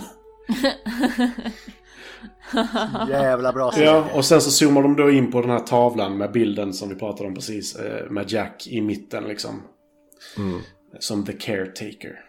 Och där skulle ju funnits en scen till där egentligen. Som eh, var liksom så här eh, on and off. Kubrick kunde inte bestämma sig. Till sist blev det att han klippte bort den. Och det, det är att uh, uh, Shelley och eh, Danny, de är Shelley. Vad heter hon? Tappade bort det. Wendy. Wendy. Olive oil. Winifred. Eh, Wendy och eh, Danny är hos eh, han som eh, gav Jack jobbet igen. Och eh, då han beklagar eh, allt som har hänt och, och jag förstår att det är jättejobbigt. Och sen så eh, rullar han en gul boll mot Danny. Ah. He knew this would happen. Mm. Oh. Kallar hon, han honom för doktor också? Jag tror det. Ja, tack. Ja. Men eh, vad vi framförallt saknar här, det är inte den scenen då, utan det är de här eh, fem, sex raderna i slutet så de förklarar vad som händer sen. Alltså de filmerna som bara så här, och sen löste sig allting, allting är bra. Eh, eller inte, kanske, vem vet. The end. Mot en, mot en stillbild också. Ja. Det är samma typsnitt som i början när vi får se The Shining. Ja, fy fan. Ja, Ja, nej, det, det är lite... Mm, kanske inte så man bör avsluta en film alltid. Nej. Men 80-talet hade mycket sånt. det är inte första filmen vi har haft det. Över Jacks frusna ansikte. Ja. Och Ja. Mm. Men det, det var filmen i eh, elavbrott och långa drag. Låt oss säga. Vi försökte återskapa filmen så bra vi kunde. Ja, fast det var inget elavbrott i den. Ja. Det Men det var däremot kommunikationsavbrott, så det är inte helt fel. Jag, jag, jag bidrar med det jag kan liksom. Ja, nej men det... Ja, det är rätt. Immersion heter det väl? Ja. När man så här lever sig in i allting. Eh, Men då går vi vidare till om den här filmen har något, mer, något tydligt eller subtilt budskap. Vad säger ni om det? Oh, här finns det mycket. Och eh, för att det, det är just där liksom med bok och film eh, igen. Eh, filmen som sådan. Alltså det finns mycket symbolik och grejer att dra i den här filmen. Men rent budskapsmässigt. Not so much, eh, skulle jag säga. Nej, jag kan bara hålla med. Alltså, väldigt mycket symbolik, väldigt mycket saker man kan dra paralleller och referera till. Men, men som rent av ett budskap eh, har jag nog svårt att, att se faktiskt. Eh, för att man så här, ta inte ett sånt här jobb. det är nog ingen bra idé. Jag hade ju älskat det, tror jag. Lämna en abusive förhållande kanske också är en bra grej. ja, jo, det, det är ju verkligen eh, absolut. Ja. Ja, Ja, men alltså, ju- den repliken är ju också så här jobbig. Liksom. Ja, men det är sånt som händer. Du vet, pappa kommer hem full, sliter av axeln på sonen. Lördag liksom. det var så här, nej, nej, nej, nej. Sen är det ju faktiskt positivt att han inte druckit på fem månader sedan dess. Ja. Ja. Men det är inte sånt som bara händer. Det är inte så hon kan säga det. Utan det är sådär. Det hände. Det är tragiskt. Men det hände liksom. Känner att hon springer runt och är rädd för honom typ hela filmen även innan han blir batshit crazy. Det är en annan sak. Ja. Ja, jo precis. Men där, där är ju en stor skillnad med Wendys karaktär i bok och film. Alltså i, i, i boken så är hon ju alltså en mycket, mycket starkare karaktär. Eh, och eh, tar ingen skit i princip. Utan det är liksom bara, gör du så här eh, någon gång igen om du sen skulle lyfta ett finger så kommer jag lämna dig. Och jag kommer ta, eh, ta Danny. Och eh, det är inte alls den där mähät som Kjell Duvall är. Nej. Ja, jo men Ja men det är svårt att hitta en svagare karaktär i en film än vad Ja, hon ja men hon är. är ett, verkligen ett mähä i den här. Så ja. Hon är en kvinna från den tiden, det är det vad Matte vill säga. Lägg... Nu var inte ens jag involverad i denna diskussionen. Alltså, Var sak också- på sin plats, det är helt rätt Det är också det som, eh, något av det som Stephen King har eh, klagat mest över. För han har ju klagat väldigt mycket på hur den här eh, eh, filmen, eh, på resultatet av vad, vad det blev liksom. Eh, men väldigt mycket har han lagt fokus på, men vad har ni gjort med Wendy? Eh, så här, här, hon springer bara runt och skriker. Eh, Medan hon i boken har mycket mer agens, mycket mer driv, faktiskt driver storyn framåt. Och så här, ja men också, och, ja inte bara springer runt och är rädd och skriker liksom. Nej, ja precis. Ja, hon ska ju vara liksom en, eh, en, hon ska ju vara en stand-in för uh, Tabitha King, alltså Stephen Kings fru. Så, alltså, alltså i, i boken. Eh, så att jag, I kinda get att han inte liksom uppskattar Ja. det här. Du har minimerat min fru ganska radikalt. Jag kan förstå en viss ilska där. Ja. Men eh, sen också, alltså de enda scenerna där man får se henne som kapabel, eller vad man ska säga. Det är ju när hon, när Jack har sina mardrömmar. Och hon liksom gör jobbet. Och när hon tar kontakt med Park Rangers. Eller skogsvaktarna. Det är liksom... Bergstrollet. Kullamannen. Nej men det är liksom enda gången man får se henne alltså aktivt göra någonting. Annars är det, nej men stör inte pappa och sådana saker liksom. Pappa är trött igen. Jag hade inte heller velat störa den pappan med de reaktionerna. Nej, Nej. Nej fy fan. Men sen har vi ju när hon gör frukost på sängen och är så snäll och... ja, men det har bara gått en månad. Jag vet inte om man, jag har också blivit irriterad. Kan ni tänka er något värre och bli uppväckt? Och, och käka nu för fan. Ät! Sig, Jag förstår inte frukost på sängen grejen. inte med knäckebröd och bröd kanske, men bacon och ägg. Alltså, han doppar ju baconen i äggulan och sen kör han liksom. Det, Sunny side up. ja, det är ju inte något liksom, som smular. Sen är ju klockan också 11 så det är inte så. Brunnar kallar vi det. Så det var dags att gå upp nu dit. Han var uppe sent och, sk- och skrev. Ja. Eh, men eh, där har vi ju budskapet i filmen som vi lämnade för fem minuter sedan. Right. Ja, men det är fortfarande film och jämförelse med bok, så det är okej.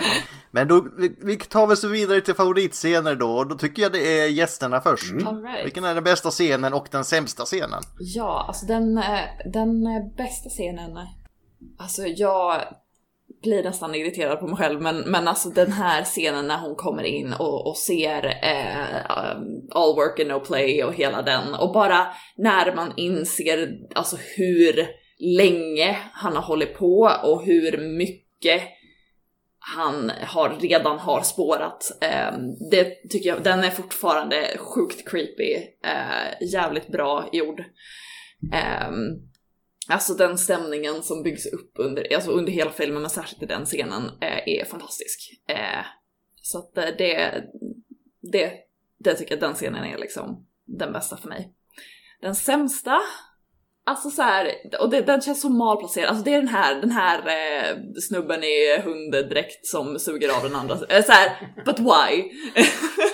Ehm, och ja, vi det kan bara visa det- fyra det- saker. Och jag kände bara att så här, va? Typ. Eh, både första gången jag såg den och eh, fortfarande. Ja, för det känns som att om, om allting annat är så här döda människor och den. Ja, det är, det är lite så här bara, alltså jag, jag ja, nej, jag, den, den köper jag inte riktigt. Jag förstår ju, creepy var den ju i och för sig. Ja, jo absolut, det, är- det det väldigt Nej, mycket, liksom. det finns ju furries och grejer så jag ska inte vara sån, men det är ju... Ja, nej, men det blir bara... Eh, känns inte rätt med de andra. men, se, Ja, den passar inte in. men, men eh, ni som har läst boken, eh, är det fler än, än Heidi som har läst boken? Nej.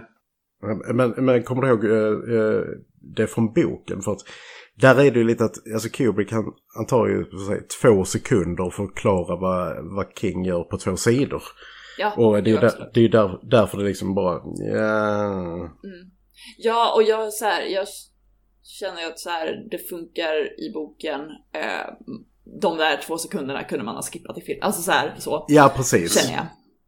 Ehm, för man får alltså mycket, och det är ju det som jag uppskattar väldigt mycket med Stephen King, att här, han kan få vad som helst att bli creepy och läskigt och han kan göra, alltså bygga upp saker på det sättet. Eh, på ett, alltså, och väldigt mycket av det han skriver funkar inte alltid på film. Och nu är det här ju kanske en ganska glaringly obvious eh, att det här, det här kändes så här, okej, but- men varför? Det kunde man bara tagit bort liksom. Men ja, det, så det, det, det är min scen. Ja, För det måste ju ta henne nästan ur skräcken också. För du, tänker, du ser en massa döda människor prata med och sen så det. Och så bara, va? Ja, det blir så absurt liksom. Eh, Linda, du har inte sagt något på ett tag. Ska jag säga någonting då? Ja, typ bäst scen, sämst scen kan du ju prova med här. Ja. Eh, jag håller med om uh, sämst scen med Heidi där, att det var en sån här riktig what the hell scen. Va- varför? Det kunde de ha skippat. Men jag har ju på ett sätt två scener som jag gillar. Och det är ju den här blodscenen med en, en hister eller vad det nu är för någonting. Och så rinner det blod, den är ganska så här eh, typisk, eh, eller vad ska man säga? Klassiskt. Det är en populär scen bland memes. Känns det som. Så, Men den här filmen är ju en meme-magnet. Ja. ja. Det finns ju inte många filmer som inte har gjort referenser till den nästan. Jag kan kanske säga det nu att det, alltså alla memes som jag har sett har kanske förstört den här filmen lite grann för mig. Eh, men jag kunde fortfarande uppskatta filmen. Uh, nej men alltså min absolut favoritscen var nog labyrinten för att eh, de- den ser väldigt bra ut. Eh, och jag fick så här lite panik utav den scenen för att den är så klassofobisk. Eh, Och det- den är samtidigt väldigt mörk men sam... Alltså den är mörk men ändå ljus för att det är liksom så konstiga ljus. Men samtidigt mörk. Jag vet inte hur jag ska förklara det. Alltså jag får typ lite så här klaustrofobisk känsla men också mörkrädsla från den scenen. Den är liksom eerie på något sätt. Ja, väldigt eerie. ja. Eh, gillar inte den alls. Jag kommer aldrig gå dit. Usch. Eh, nej men det Då är det inte för att den är dålig utan att du, du tycker den är jobbig att Den se. är jobbig att se tycker jag. Eh, kan inte riktigt förklara varför men jag vill att, Jag måste väl säga att det är min favoritscen för att det fick mig att känna lite sådär panik. Och Ja, så. men det är ju ljusen som är... Ljusen är ju inte vad ska man säga? De sprider ju inte ut ljuset utan ljuset är där. Allting annat är Mm. Ja, mörkt. precis. Ja. Och just att han vill hålla sig, han vill ju egentligen hålla sig från ljuset i detta fallet. För han vill ju inte synas. Och samtidigt så är jag ju också så här mörkrädd och så, så liksom, ah, jag vet inte, det är en konstig scen. Eh, läskig. Mm. Jag kan sticka in där med att, eh, alltså, eh, jag bara, bara kör, kör lite- lista nu, men alltså saker som är med i filmen som inte är med i boken. Labyrinten, Hiss-scenen, The Grady Twins, All Work and No Play, uh, Here's Johnny och så vidare och så vidare. Så det är ju väldigt mycket som är, eh, alltså, som Kubrick i sitt galna geni hittade på. Labyrinter var väl buskar utav djur och sånt där? Ja, sådana här top, topiaries. Ja. Ja, så figurklippta, ja. Ja, hände det något liknande i boken där han här eh, pojken sprang runt där och försökte komma ifrån far? Mm-mm. Nej. Alltså de börjar ju röra på sig, de här djuren. Hur lång är boken? 300 sidor ish, kanske. Okej, men då är det så. Man kan ju inte få in hur mycket som helst i den. Det är ju lite så. Ja. Men eh, däremot i Stephen Kings egen version av, eh, som han film, eh, filmade eller skrev, jag kommer inte ihåg vilket, eh, från 97-98 där någon gång. Eh, Steven Weber. ja, så är ju, så är, det ju ingen labyrint men där är djur. Ytterligare ett tecken på att man kan göra en bok på 300 sidor och inte göra den till tre filmer om tre timmar var. Jag vet ju inte vem du menar. Eh, Jag, jag hoppar in snabbt där bara för vi är lite många så jag kör väldigt kort. Att jag håller med Linda om sämsta scen men det är inte för att den är dålig. Utan det är labyrintscenen för att jag har mina egna hjärnspöken där som spelar eh, mig ett spratt. Och det är när han springer runt där och skriker Danny! Då börjar mitt huvud tycka det är helt okej att börja spela upp Danny Boy i huvudet. Oh, Danny boy, the pipes, the pipes are calling. Oh Danny boy, the pipes, the pipes. Så den, den satt sig i huvudet hela kvällen sen så det var nice. Fy fan vad obehagligt det hade varit om de spelade den låten. För då hade det varit så här, Danny kommer dö. Mm. Och så tänkte bara den musiken och fotsteg och så lite slow motion. Ugh. Det här hade varit en helt annan scen. Eh, bästa scen för mig är tvillingarna eller hiss med blodet för jag tycker det är så creepy. Jag kan eh, ja. Jag har väl ingen som säger sämsta scen för att jag tycker, jag tycker även eh, den avsugande hunden fyller sin funktion. Jag ska inte gå in djupare i det. Men eh, däremot, förstår. be, ja, däremot be, bäst, bästa scen. Eh, alltså jag hade kunnat ta vilken som helst egentligen för jag tycker det här är en eh, spoiler alert, i princip en perfekt film. Men Eh, en som jag, som alltid fångar mig, det är introscenen. Om vi nu bortser från texten. Va? Alltså eh, färden upp till The Overlook. Med musiken och, och eh, sätter liksom stämningen perfekt. Du kan inte liksom look away. Så, mm.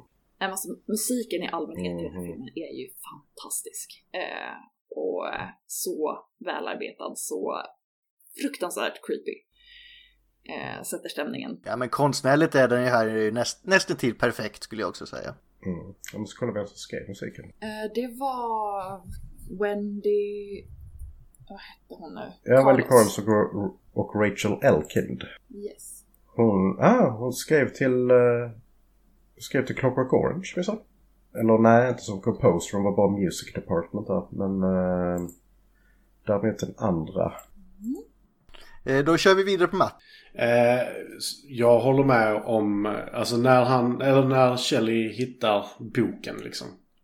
För som sagt, det där är, det är så långt gången galenhet. Han kommer tillbaka varje dag, fortsätter skriva samma mening om och om igen på olika sätt.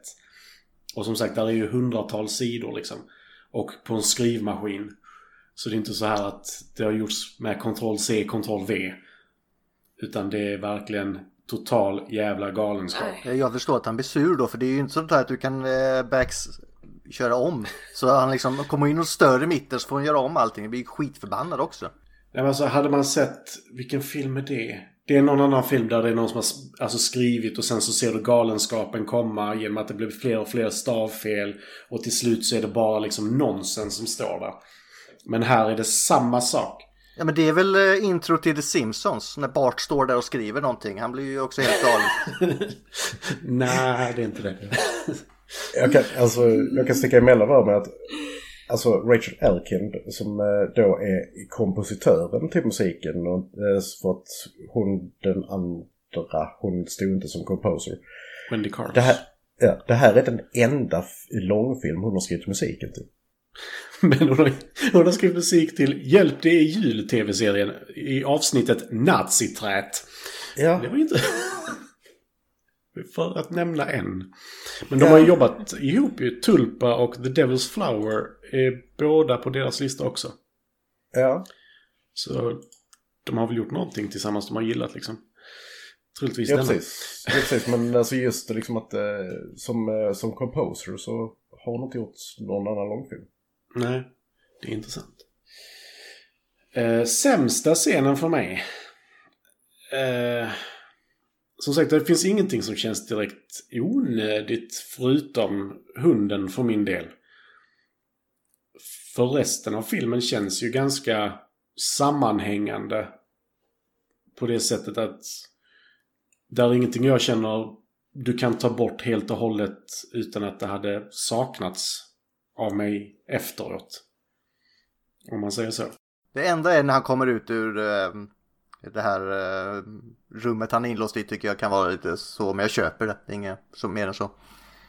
Ja, men det, det är likadant. Jag hade kunnat ta utan att Danny gömmer sig i ett skåp och sen tar sig ut ur det utan att det finns en direkt mening med det. Han hade kunnat stå runt hörnet också. Men samtidigt, det visar att det är en pojke som gömmer sig. Det, det är liksom... Det är, han gömmer sig för att han är rädd. Då, då går du inte runt ett hörn utan han verkligen gömmer sig. Så den kan, kan du inte heller ta bort liksom. Men det känns ändå som en onödig scen rent så, men absolut inte att den ska bort. Men alltså jag, eh, jag vet inte vilken gång i ordningen det är jag ser den, men alltså jag fattar inte att det här är en film som är i princip två och en halv timme lång och eh, känns som en 90 minuters film. Ja, det, är, det är inte många scener som inte Alltså passar det, in. tempot är... Nej, det är inte Resan till jordens medelpunkt. Där efter 45 minuter trodde vi att vi hade sett hela filmen. Så. eh. Efter 43 minuter kommer de fram till där de ska. Till Snaffelsjökull. Mm. Precis. Det som är så lätt att uttala. Det är nice. eh, men vi går vidare till favoritkaraktärer. Då kör vi gästen först igen. Ja men jag så här, Dick Halloran är ju typ den mest sympatiska. Eh, kan, jag, kan jag känna. Ehm, men alltså jag måste också bara säga hur, alltså bara så här trycka på hur fantastiskt skådespel som Jack Nicholson bjuder på som eh, Jack Torrance. Eh, för det är Alltså det minspelet han har, alltså de blickarna han... Eh, jag, tycker, jag tycker det är fantastiskt. Det är fruktansvärt läskigt att se på och riktigt jävla bra. Helt enkelt. Kan vi- Jo men favoritkaraktär. Jag Jag har bara ju tyckt om favoritkaraktär. Alltså Ja. bäst, bästa karaktären har fortfarande varit Ja. ett riktigt as. Och, Mm. Alltså Ja. hans varggrin när han Ja, håller nej, den men- i, nej, men i alltså- famnen liksom. Så bara, nej jag skulle aldrig kunna skada er. Alltså det leendet bara såhär. Mm. Ja, och så det leendet och man bara, eh, jag vill inte vara i det här rummet, tack. Eh, men det, hela den som man bara utstrålar. ehm,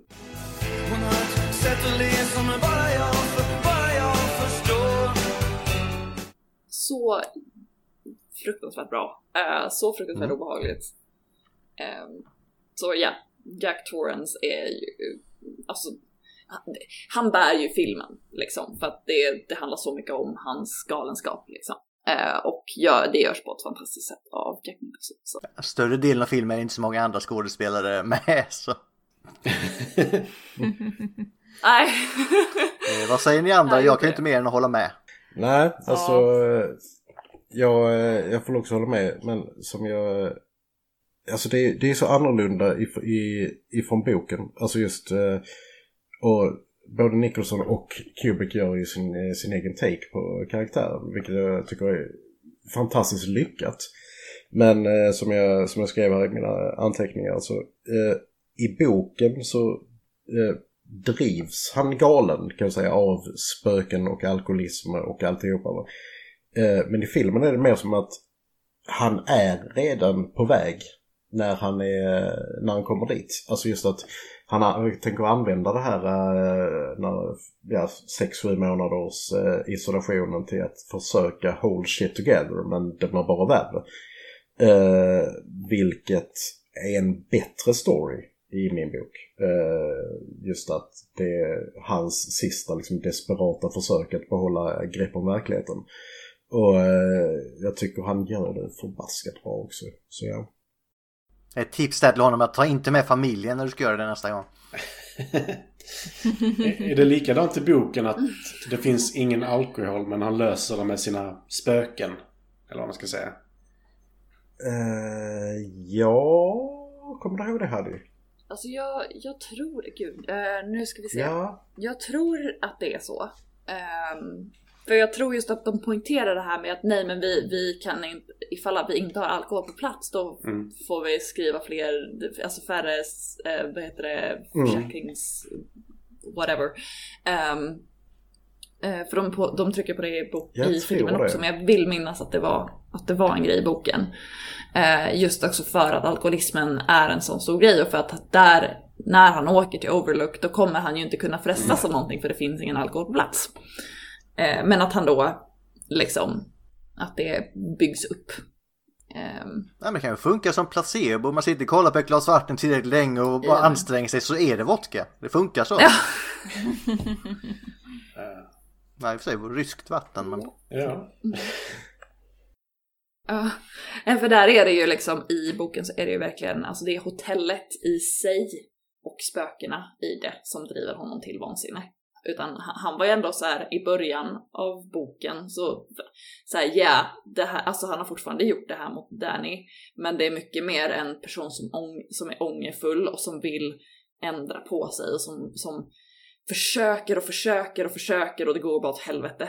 Nu känns det bara, i filmen känns det ju bara som att allting går käpprätt åt helvete direkt liksom. Eh, Framförallt så känns det inte som att han... Han verkar ju inte ångra sig riktigt utan liksom... Jag har inte druckit på fem månader, det är det jag har gjort. Mm. Det känns Ja, lite som att det är hans ansträngning i Ja. filmen. För det, det boken gör bättre där det är ju liksom att göra förarbetet lite grann. Alltså just det här liksom att beskriva eh, det är fruktansvärt kapitel när han beskriver hur, hur eh, det gick till när Danny Ja, fick eh, axeln ur led eller om han bröt, bröt armen på honom eller vad det ja, det var. var han, i boken bröt han Eh, jag bröt armen, ja. Eh, och just hans ånger efteråt. Och eh, det är ty, tyvärr för Steve King så är det ju självlevt. Alltså just att det, han hämtade just den scenen från sitt eget liv. För att han, eh, när han var som längst gången i sin alkoholism så råkade han skada sin son. Och det är det som gjorde, alltså satte igång processen med att skriva The Shining som någon slags alltså, terapi för sig själv. Uh, och det är där liksom Tabitha King kommer in i bilden, alltså hans fru. Att, uh, och att hon är så stark karaktär i boken för hon var liksom bara om det här någonsin händer igen då kan du liksom flyga och fara. Så Så en enormt personlig bok som Stanley Kubrick bara såhär Your wife ain't shit. typ. Ja men det är intressant ändå med hotellet som har en egen själ här i och med att de säger väl det att vissa handlingar så är så mörka så de ger ju ärr åt omgivningen så det lever kvar där. Ja, Mm. precis.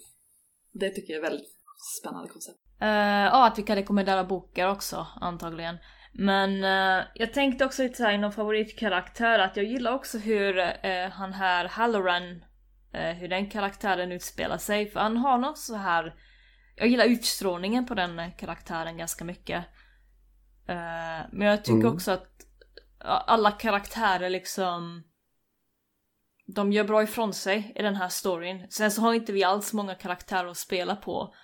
Eh, men det är nog det som gör att de de liksom stödjer varandra för att bli bra karaktärer. Nej, precis. I och, med, I och med isolationstemat så har det inte funkat med liksom eh, hur många karaktärer som helst.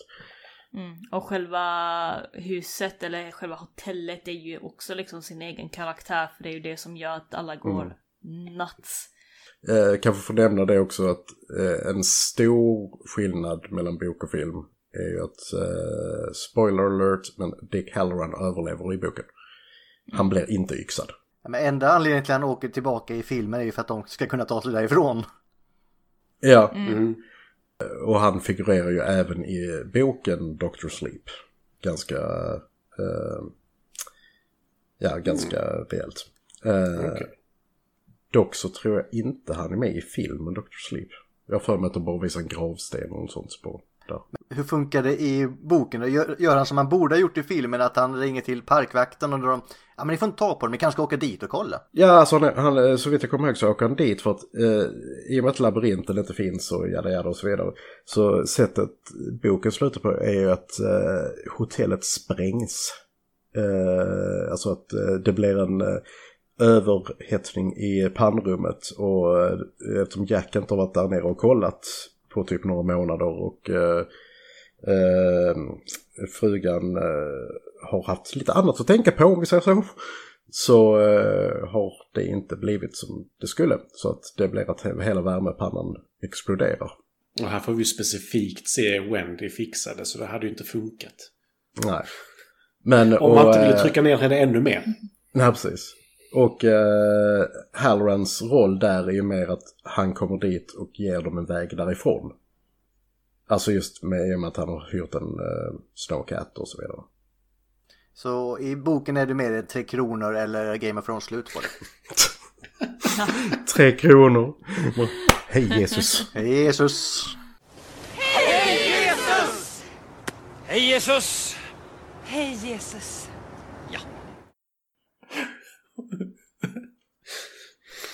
Vad sa du Matti, vilken favoritkaraktär var det? Alltså Jack är ju den som tveklöst spelas bäst och spelar bäst. Tycker jag. Eh, just det här, som sagt. De här småsakerna som när du har, när du har sett hela filmen. Hur han... Det börjar ju inte bra, om man säger så. Men det slutar i rent helvete. Eh, och just det här att vad ska man säga, han har ju inte gjort någonting fel enligt sig själv i filmen. Så han är ju han är, han är ju ett mycket större as än vad han själv inser också. För han, han ser ju inte sig själv, han ser ju inget fel i att han har skadat sin son egentligen. För han slängde ju hans pappa på golvet. Hela hans bok, får ju, han får ju leta runt i allting nu. Skriv sidnummer för fan. Det är därför man ska sätta sidonummer. Ja. Så besviken. Nej men, eh, och som sagt i filmen, den, den, den enda ansträngningen vi får se från honom är men jag har inte druckit på fem månader och vi ser ju hur bra det gick. Ja, men det är lite bara så, bara good on you, men sen. Ja. Och visst, vi, vi får inte reda på om han har gjort någonting mer heller. Å andra sidan kanske varit alltså, jättebra. Men det är ju inte det vi får se. Och, eller höra. Men hans, hans totala fall från liksom en elak gubbe till totalt psykfall är riktigt bra gjort. Ja. Eh, jag tycker vi går vidare där. Jag, nästa punkt är om filmen är bra, men det tycker jag nästan vi har spoilat allihopa. Så vi kommer ju återkomma till det i Star Wars-skalan tror jag.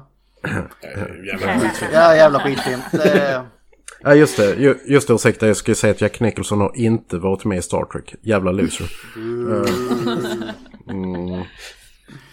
Eh, däremot så går vi in på Linda-punkten här. Visuellt, är den här snygg då Linda? Förutom introt som Ulf redan har spoilat är sjukt snyggt. Uh, introt tycker jag är fruktansvärt. Nej men, ja. Eh, nej, jo, alltså... Förutom Färgval på texten, texten då. är bra. Ja, precis. Eh, jag tycker filmen är väldigt bra filmad. Den har inga specialeffekter, eh, vad jag vet om. Det här blodhissen som kommer fram, det är väl gjort på riktigt. Eh, nu har inte jag kollat upp exakt hur de har gjort det, men jag tror det är en miniatyr som de har byggt upp. Ja, det, det var det, men den är så jävla snyggt gjord. Mm, verkligen. Det är jättefint filmat och så. De har fått bra ljus på vissa scener och sen också att det här hotellet är så öppet med sina stora rum och sånt där. Till exempel där han jobbar och skriver då att den är, det är mycket space. Och det känns nästan lite läskigt ibland hur, hur öppet det är. Jag skulle gissa på att de som har den här, vad heter den här skräcken för stora ytor. Agorafobi. Agorafobi, ja. De känner säkert mycket mer så skräck under den, de scenerna när, när han sitter där och skriver. Eh, tror jag kanske. Men det... Det är många såna scener jag tycker... Ah, Jag vet inte hur jag ska förklara. Jag har inte skrivit ner någonting heller på visuellt så det är svårt att hitta på alla ord just nu. Nej, jag överlämnar. Vad tycker du Gustav? Jag tycker visuella matchar ju känslan i filmen, Linda. Ja, precis.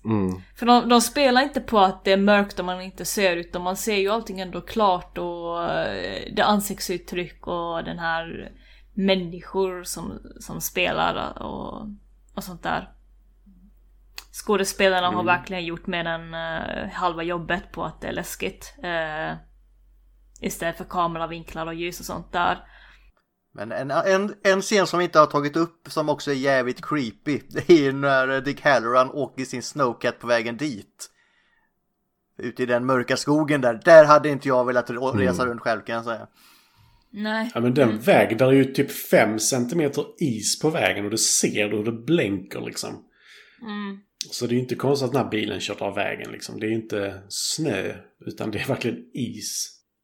Nej men alltså setdesignen är ju helt jäkla magisk i den här filmen. Eh, alltså med allting ifrån eh, färgskala till hur, eh, var saker och ting står och så vidare. Det finns ju liksom avhandlingar skrivna om, om setdesignen. Jag älskar mattorna, är helt fantastiska också. Alltså mattorna är fantastiska. Ja. Är så Mm. creepy. Nej, de är ju Ikoniska på något. Ja, jo, men alltså det blir en så De är snygga och creepy. dissonans i hur de... Alltså det här återupprepande mönstret. Ja, nej. Det...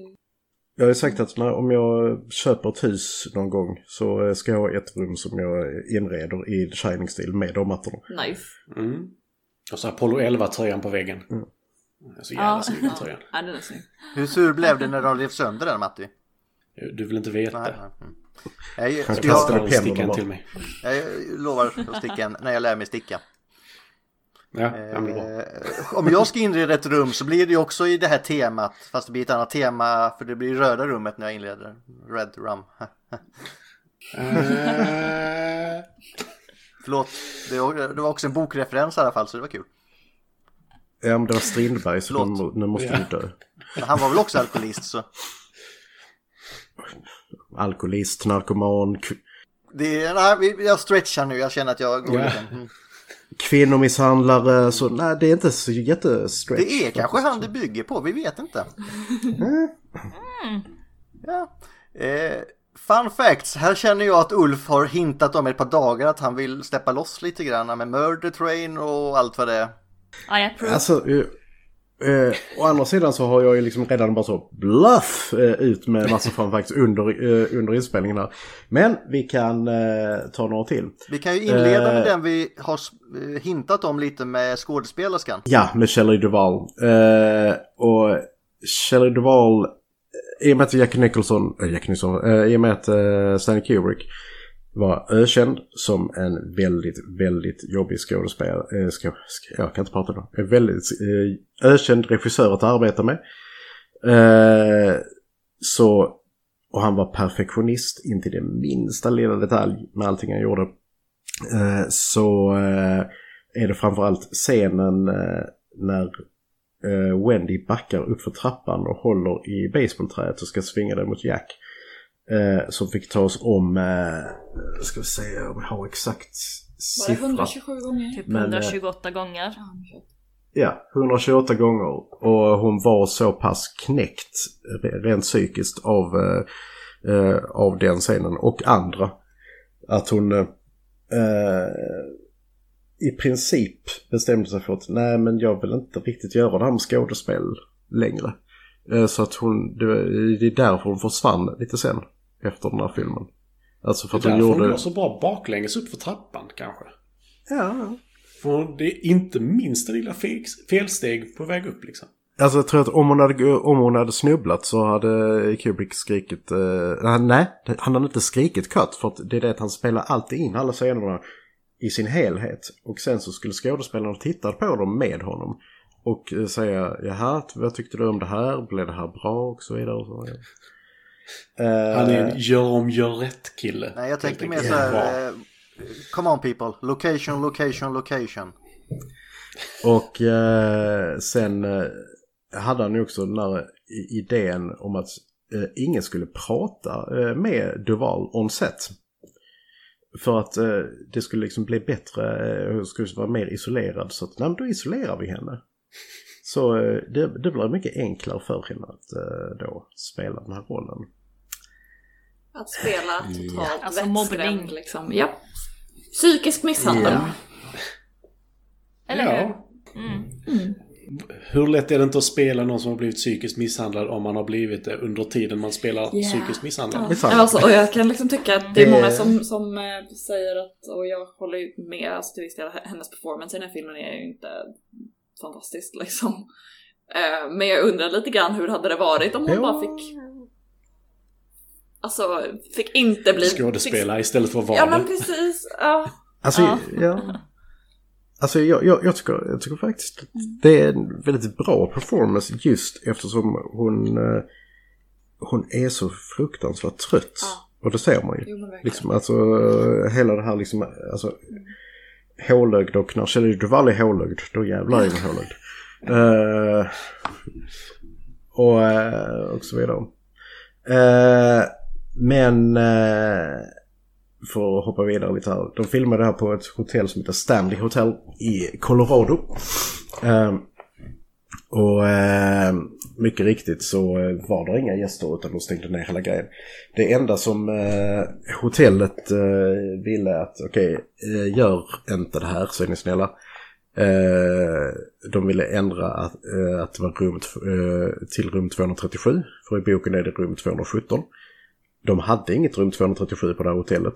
Så att eh, de var liksom okej men vi vill inte att folk eh, ska liksom inte vilja bo i rum 200, 200, 217. Och jag bara tänker hur dumma är ni? Alltså det är perfekt.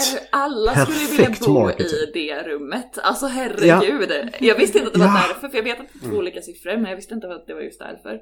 Det är det dummaste de kunde gjort. Ja det är liksom... Alltså det är så jäkla dumt. Eh, Det, ja. Nu är det nog många som vill bo just där ändå, men Ja, jo. Sant, sant. Ja. Eh, Stanley Kubrick han eh, ska tydligen eh, ha eh, så ringt upp Stephen King mitt i natten sådär då och då och då. Så klockan tre på natten. Och det här var under Stephen Kings eh, period då han var eh, totalt alkoholiserad och drogberoende. Så han var ju redan off the rails. Och sen skulle han bara liksom ringt upp honom och ställt frågor som bara Tror du på Gud? Och så bara svara nu. Tror du på Gud? Och så vidare. Och Kubrick han förnekade att det här någonsin hade hänt. Men Steven Spielberg har däremot eh, bekräftat och sagt bara Jag träffade ju både Kubrick och King några gånger där och eh, ja, han gjorde ju så. Då och då. Ja, men det är sånt som händer. Så att säga. Det är liksom bara, bara va? Och, Det är ju det Ja, här- att man inte, att man inte liksom drar telefonen ut i väggen på nätterna liksom. Bara, jag kan inte ha någon snubbe som ringer mig mitt på natten. Jag vet inte, hade de mobiler på den tiden ens? nej. Nej. Eller Nej. 80 var väl början precis att den var en liten väska och alltihop. Ja, det- så det var ju inte det lönt att ha en liksom, mobiltelefon. Den satt i bilen Nej, fast. precis. Jag Ja, höll på att säga det var väl så man hade i Vietnamkriget ungefär. Bara runt. Eh, ja, precis. Släng ut det på balkongen bara. Ja, men det känns lite så här, som att vara karaktärsskådespelare. När du spelar in en film om galenskap så ska du helt plötsligt så här, skicka döda råttor till folk och sånt. För det är kul, för det hade ju min karaktär gjort. Alltså det känns ju som en sån grej som regissör, vilket är så här, jag gör en film om galenskap. Vad kan jag göra för att jävlas med mannen som har gett mig möjlighet att göra denna filmen? Men Matti, tänk dig då tusen råttor. Åh, Den är så bra! Wanted. nej! Den är hemsk. Låt dem vara i fred. Låt råttorna vara i Du, fred. du var den enda som skrattade åt råttornas död ju. Uh, ska vi säga, just det. eh, för att fylla i lite med Shelley Duvalls, eh, eller behandlingen av Shelley Duvall. Eh, hon säger att den här filmen gav henne permanent psykisk, permanent eh, psykologiska skador. För att hon blev så pass pushad. Eh, så ja, that's fun. Varför sitter du och skrattar åt det Linda? Jag tycker det är ganska... Uh, Nej, jag skrattar inte åt det. Jag skrattar, jag, jag skrattar fortfarande åt råttorna. Ja, ja. mm. Så Linda skrattar åt tusen döda råttor istället. Eh, det är fullständigt normalt. Och ändå får ni mig att framstå som den som är så här rasist och elak och... Jag har klippt klart så är det du som har gjort detta Matti. Jag vet inte hur jag ska lyckas. Men... Det var du som började. Ja.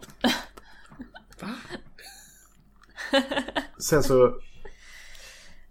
Ja, det finns, finns, det finns extremt mycket om den här filmen.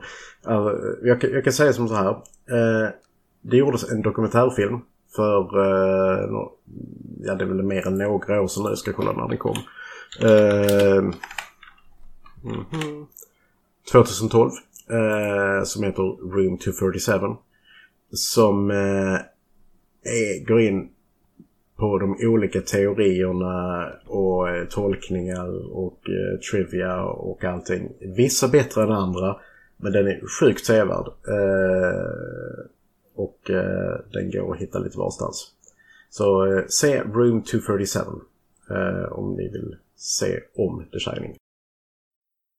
Ja, spännande. Mm. Nej, jag tycker det är hemskt att de eh, misshandlade henne så fysiskt under den inspelningen. Det är ingenting jag kan hålla med om att de gjorde bra. Alltså, det var inte så mycket fysisk misshandel, men psykisk misshandel. Ja, psykisk. Ja, okej, jag tyckte du sa fysisk. Alltså, Nej, jag menar psykisk. Fysisk. Jag vet inte vad jag Ja, sa, okej. skitsamma. Men jag menar Du psykisk. ville bara ha det sagt. Jag ville bara ha det sagt. Ja. Ljugtecken Alltså, det- sitter hon och håller i, men det är en annan sak. Alltså det är bara... ja, Jag bara, ja det vore ännu bättre slash värre bara. Ja men vi, vadå, vi misshandlar henne fysiskt också. Det är okej. Det, det psykiska är inte okej. men... Nej. Eh, har någon nej, någonting mer där de vill lyfta upp på fun facts? Vi har ju nämnt rätt mycket under inspelningen så. Nej, den här lillpojken, vad hette han nu igen? Danny. Todd. Danny. Danny. Danny. Eh, han fick ju inte veta att han var med i en skräckfilm. Det är ju bra. det. Nej. Han fick ju först veta att det var en skräckfilm flera, alltså många, många år senare. Och, ehm, Mm. eh, och att han hade varit med i "Oh." den här fantastiska klassikern liksom. Precis. Ja. Mm. Eh, han är ju typ 47 år nu. Mm. Nästan 50. Ja. Ja, Ja. Han är biologiprofessor. ja, det är nice. Och other fun fact, potential tiny spoiler, han gör en cameo i Dr. Sleep. Mm. Ja, just det. Mm, det läste jag också någonting om. Vi pratade om det igår, för det, han har varit med i två filmer. Ja. Och det är denna och Dr. Sleep. Japp. Det var så här, Men han slutar på topp. Ja. Ja. det vet jag inte än. Nej. Jag kan ju inte uttala Nej, han kan ju göra en superfilm nu, det vet vi inte. Mm. Mm. Nej men det är jättebra att de faktiskt inte förärade hans liv då. Eh, Ja, det räckte med en liksom. De, de tog ändå hand om honom så att han inte ska bli fucked resten av livet. Ja, för det är ändå rätt intressant för de scenerna han är med i, han sitter och skriker Red Rum, han sitter och dreglar och stirrar rakt fram. Han Mm. gömmer sig från någonting och springer iväg. Och han vet Mm. fortfarande inte om att han har varit med i en skräckfilm. Ja. Mm. Nej men han var ju åtta år när han spelade in. Så han Så det tänkte du- väl kanske inte längre Det än du så. säger att barn är korkade. Jag var korkad när jag var åtta år. Var du korkad när du var åtta år? Jag var dum i huvudet när jag var åtta. Nej, jag kom inte och Jag är säg fortfarande någonting. dum i huvudet. Ja, visst, vissa saker går inte över höll jag på att säga. Nej, precis. nej, men, nej men jag tänker liksom bara att om man nu har... eh, om man inte visar liksom blod och äckelskap för, eh, för en åttaåring så, kom, så kommer de nog inte fatta att de är med i någonting skrämmande. Det är någon lek för dem, höll jag på att säga. Jag tror han var med i en sån Big Wheel Racing-film. Kanske. Och för hans Big Wheel. Alltså de ser... Ikoniskt. Han trampar järnet också. Det är inte det här lugna. Tänk att få som åttaåring trampa runt i de korridorerna. Med de Big Wheel. Åh, Jag älskar det när han startar bakhjulet när han ska ifrån rummet första gången. Så bara, han kommer inte in och så bara... Och sen trampar han igen. Gött. Och så, mär, Det var- så märks att jag... Märks att jag är snart, snart är 40 för att det är första gången när jag såg den, när jag såg den igår som, eh, som jag tänkte men akta parketten! Repa golvet, sluta! Men när, när de tar med den här, eh, det är nog inget jag rekommenderar man gör. Att det måste ju hämma barnets utveckling och vara ute i skogen där helt själv utan att träffa någon annan. Men han hade ju inga vänner hemma heller verkar det som. Det, han sa ju det i början. Nej, men han, han har, ju, han har ju större möjligheter att skaffa vänner där hemma tror jag. Hoppas jag ju för hans skull. döda umgås med. Nej. Han har ju sagt, han fick ju två Nej, flickvänner eh, så han ska inte klaga. Gustav. Twins. Nej, det... Nej men också att föräldrarna bestämmer sig att åka dit med sin åttaåriga barn som inte har någon social kontakt med någon annan under den tiden. Eh, det är också lite konstigt att föräldrarna bestämde sig att göra det. Men Wendy är ju helt chill med det. Alltså det, det, det är också en sån grej bara så. Eh, när Danny vid frukostbordet säger bara ja men jag har inga vänner här och hon bara nej. Det är inte Det har lätt. du ju inte. Det har inte jag heller. Du ska inte heller ha några vänner kan jag säga. Ja, en- okej. Ja, nej, men det hon, hon hade den attityden lite för hon liksom så här drar ett blås bara... Nej, Den enda vän en pojke behöver är, är modern. Så jag fimpar på huvudet på honom så här. Ja. Nej men eh, den, han, har, han har Tony, han kan börja prata med Dick Halloran om man vill. Han har The Shining. Det är ju bara att använda det. Sen kanske ens bästa kompis kanske inte ska vara 60 plus och bo i Miami. Men det är en annan sak. Annan sak. Eh, vi får nog faktiskt springa vidare lite. Ja, det tycker jag. Ja. Eh, till om vi kan rekommendera till andra vi kommer se den igen. Det här är ju en klassiker jag tycker alla ska ha på sin bucketlist och ha sett. Mm. Jag Ja. sammanfattade med Hell yeah. Och kommer jag se den igen? Hell yeah. Ja. Men, eh, Kanske läsa boken också. mm, jag blir ju sugen nu efter att ha hört allt och jämföra. Det har varit intressant. Ja. Ja. Jag har faktiskt en fråga till Heidi. Ja. De scenerna som inte var med, för du såg ju den korta versionen Yes. först.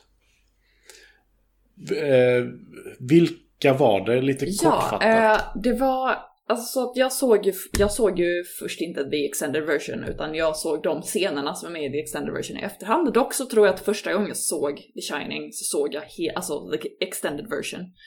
Eh, men nu så, så, när jag tittade på de här scenerna så eh, bland annat så är en scen när ehm, Eh, när hon sitter och, när, när Wendy sitter och pratar med Danny och han sitter och tittar på eh, cartoons. Ehm, och hon eh, säger åt honom att hon ska bara gå och prata med pappa. Bara sitta här och titta på de här och sen så smyger ut eh, från det rummet. Är det då när Tony tagit över? Ja, ja precis. Ja. Ehm, och den, till, till exempel, den är med, det är väldigt mycket av, av introscenerna som eh, liksom när de visar hotellet eh, som inte Mm. kom med i den, i den korta versionen som jag tycker, alltså eh, bandet till Halloran blir starkare, alltså bandet till till, alltså till, man får veta mycket mer, eller får liksom, man hinner känna sig hemma innan det här blir riktigt creepy ställe. Ehm, jag tycker att det, det på något sätt etablerar hotellet ordentligt innan det spårar. Um, blir ganska spännande. Ehm, jag tycker, alltså, jag kände ju lite grann när jag såg eh, den kortare versionen att så här, det finns luckor här som jag skulle vilja fylla ut med någonting. Eh, som sen när jag såg The Extended, alltså de scenerna så bara ja nej men titta, här, här var det som jag ville ha basically. Så att ehm, jag kände lite grann att Ja. det, alltså, jag förstår inte riktigt varför man har den korta versionen när den långa versionen finns, för den är ju, det är ju hela filmen. Det känns ju som att det fattas grejer i den Mm, korta versionen. Ja, Du menar, det, det är som The Snyder Cut om vi säger så liksom? Ja, basically. Alltså, eh, eh, alltså anledningen till att, eh, till att det finns en kort version var för att eh, när den gick upp på bio så eh, floppade den. Alltså, eh, och eh, då var konsensus liksom att det här, den här är för lång. Eh, och eh, så fick Kubrick i uppdrag att klippa om den. Yes. Så han klippte ner den. Eh, Med han klippte ner till. Ja, precis. Nej, men han klippte ner den till 31 minuter. Så att... eh, Det märks kan jag säga. Det, ja. alltså den är ju, ja, vad spännande. Alltså för, ja, jag tycker ju det är en helt fantastisk film. Eh, men jag saknade det ganska mycket. Jag saknade ganska mycket när jag såg den eh, korta versionen. Liksom. Men dä- däremot så är det intressant att påpeka att eh, även om det finns liksom en mycket kortare version eh, så eh, Kubrick själv säger liksom att vadå båda är Director's Cut? För det är jag som har, jag som har klippt dem. Och det har han ju rätt i. Finns ju poäng i det I guess. ja. Men eh, det är ju väldigt olika från regissör till regissör. Vi har ju en annan som Tarantino som säger varför kör du inget direct cut? Nej men jag klippte den så jag vill ha den från början. Vad ska, vad ska jag göra om det? ja. Ja, men det finns ju väldigt mycket poäng i det. Men sen, sen, som sagt, det, det var därför jag ville höra lite om, om den var... Alltså om det var nödvändiga scener. För jag kände ju som sagt ingenting var onödigt Nej. i den långa versionen. Nej, och det tycker jag, alltså jag tycker verkligen att de här scenerna som då är ja, men extra inom citationstecken, är- de är minst lika viktiga som resten av filmen nästan alltså för att jag har andra saker jag hellre hade klippt bort istället till exempel. Alltså, det, det, det går, alltså, jag tycker Ja. att den, den är en så himla bra, solid film i sig själv så att jag skulle inte vilja hålla på och peta i den. Eh, så mycket faktiskt. Eh, det tar oss Matti, du kommer fortsätta där för det tar oss till te- Test of Time där vi nog kommer få lite mer inblick i sånt också. För jag tänkte jag höra här, eh, gör den här filmen, eh, görs väl i den miljö den är nu, men hade den gjort sig bra med i, i, i dagens samhälle så att säga? Det här är mycket mer teknik och så, så jag tror inte vi hade fått samma stämning. Mm. Nej, alltså jag, jag eh, skulle säga att alltså Test of Time, eh, när det kommer till det filmtekniska och så här så tycker jag den är fortfarande håller 100%. Alltså i och med att det är practical effects och i och med att det är, den är skriven just för att vissa scener ansåg Kubrick eh, inte skulle kunna funka. Eh, och eh, då filmar han inte dem. Alltså just exempelvis eh, det här med de levande häckdjuren exempelvis. Han bara, nej det kommer inte gå. Eh, så skapade han labyrinten istället. Så att den är skriven runt eh, de här eh, grejerna som inte gick att göra enligt Kubrick. Eh, och på så sätt så håller den filmtekniskt tycker jag väldigt, väldigt väl. Jag tror vi har känslan i filmen i och med att det inte finns mobiltelefoner och sånt så bygger det ju upp känslan tror jag mer än det hade gjort idag. Ja, å andra sidan så idag så hade man eh, kunnat säga liksom att, att det inte fanns någon täckning. Alltså för det är långt ute uppe på ett berg och det stormar. Men det är inte samma Om isolering någon- känner jag idag i alla fall för du har ju så mycket annat du kan eh, sysselsätta dig med tror jag. Ja, det är sant. Brädspel. Ja, det fanns då också vill jag bara säga. Det... Ja, men inga bra. Vi hade kunnat göra som du och jag gjorde Matti, schack. Du får göra ett drag om dagen. Då hade vi kunnat bli galna väldigt snabbt. Exakt. Det är så tråkigt. Sitta och titta på det här schackbrädet varje dag i tre månader. Till slut börjar de röra på sig själva. Mm. Har någon något annat de vill lägga till innan vi går in på vad, lite, vad alla tycker om filmen i Star Wars-skalan? Eh, Jag kan bara säga så mycket som att jag håller verkligen med om att den, den håller som, som film eh, fortfarande. Och att så här 40 år senare, det är en skräckfilm som fortfarande håller. Det tycker jag är jävligt imponerande. Ehm, Var du tvungen att lägga till 40 år senare? sorry! My God, jag kände bara direkt. där. Du får skära av dig armen och kolla Gustav. Ja, nej, typ så. Nej, men ab- absolut, alltså det, det är ju det, vad ska man säga, jag tror, nu kommer jag låta eh, lite småsint, men jag tror att vi i vår generation kanske har mer tålamod också. Alltså, jag föredrar ju alltså en långsam, det, jag skulle inte kalla detta skräck lika mycket som thriller nästan. För det är den här, det är ju inte de här jump scares och sånt, utan detta är en tryckande stämning som trycker mer och mer och mer tills han verkligen bara så här, okej nu ska jag döda min familj. Ja, alltså jag, men jag, Mm. eh, det är precis det jag älskar med skräckfilm. Eh, den sortens skräck. Eh, det psykologiska, jobbiga, långsamma, gärna dra ut på det så att man sitter där och bara väntar på att nu kommer det gå åt helvete. Och dra ut på det, dra ut på det, dra ut på det och sen liksom... Eh, jag tycker det är så snyggt gjort i den här filmen och det. Mm, good shit. Det är ju väldigt mycket, jag ser lite The Shining som eh, avslutningen av eh, 70-talsskräcken. Alltså just att eh, den här liksom, eh, som många av de filmer som kom eh, på 70-talet, alltså i skräckgenren, håller i fortfarande. Och de är de här väldigt långsamma, eh, alltså krypande, alltså som tar Exorcisten till exempel, alltså som har väldigt explicita scener som alla kommer ihåg. Men där är allting runt omkring också, den är svinlång. Eh, Vi har eh, första Omen-filmen och så vidare och så vidare. Alltså just att det är det här eh, byggs upp stämningsfullt och jag tror det är därför de håller. Men eh, vi har ju pratat om en här som har lite den känslan i podden också som är lite mer modern. Eh, Get Out känns lite grann som den typen också. Och Get Mm. Out är en jävligt bra film. Ja. Ja men där har du verkligen det här att du inte, du hoppar inte in i skräcken. Nej. Och det är framförallt inte det här med att någon dyker upp. Alltså vi har ju, visst vi har scenen när Halloran dör. Eller Scatman. Eh, och jag, Jag menar, ja. det är också en av få som är så där. Men ja, precis, när det görs en gång eller två i, i, i en film på två och en halv timme funkar det så mycket bättre. Ja. Alltså jag måste ju, eh, alltså jag tycker ändå det finns en del filmer som gör det nu för tiden också. Ehm, och, eller, och serier också, eh, skräckserier och så. Jag är ju stor skräck, stort skräckfan. Eh, Om någon av er ha, har sett eh, till exempel Hereditary eh, eller Midsommar. Mm. Åh, Det är midsommar. saker man inte kan döda i Hereditary. Ja. Så, nej.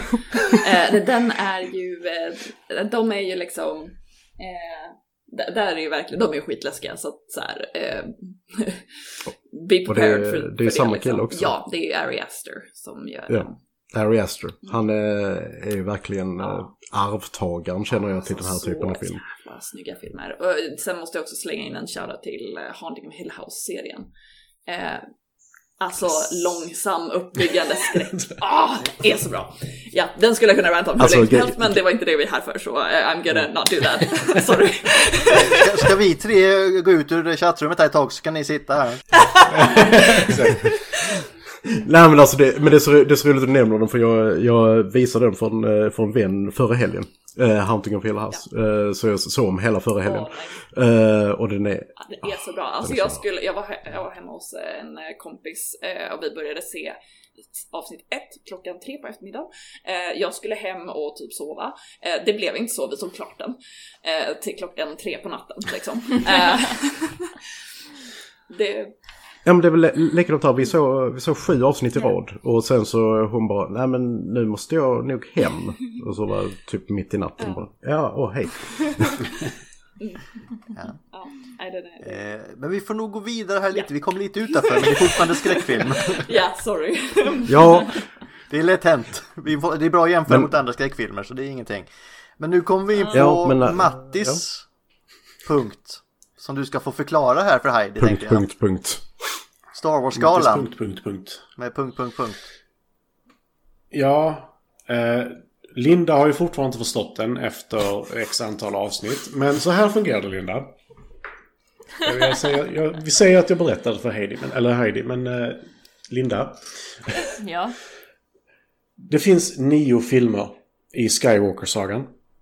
Ja, just det. Ja. Epis- Först kom episod 4, 5, 6. Sen kom 1, 2, 3. Och sen kom Ja. 7, 8, 9. Mm, just det. Mm.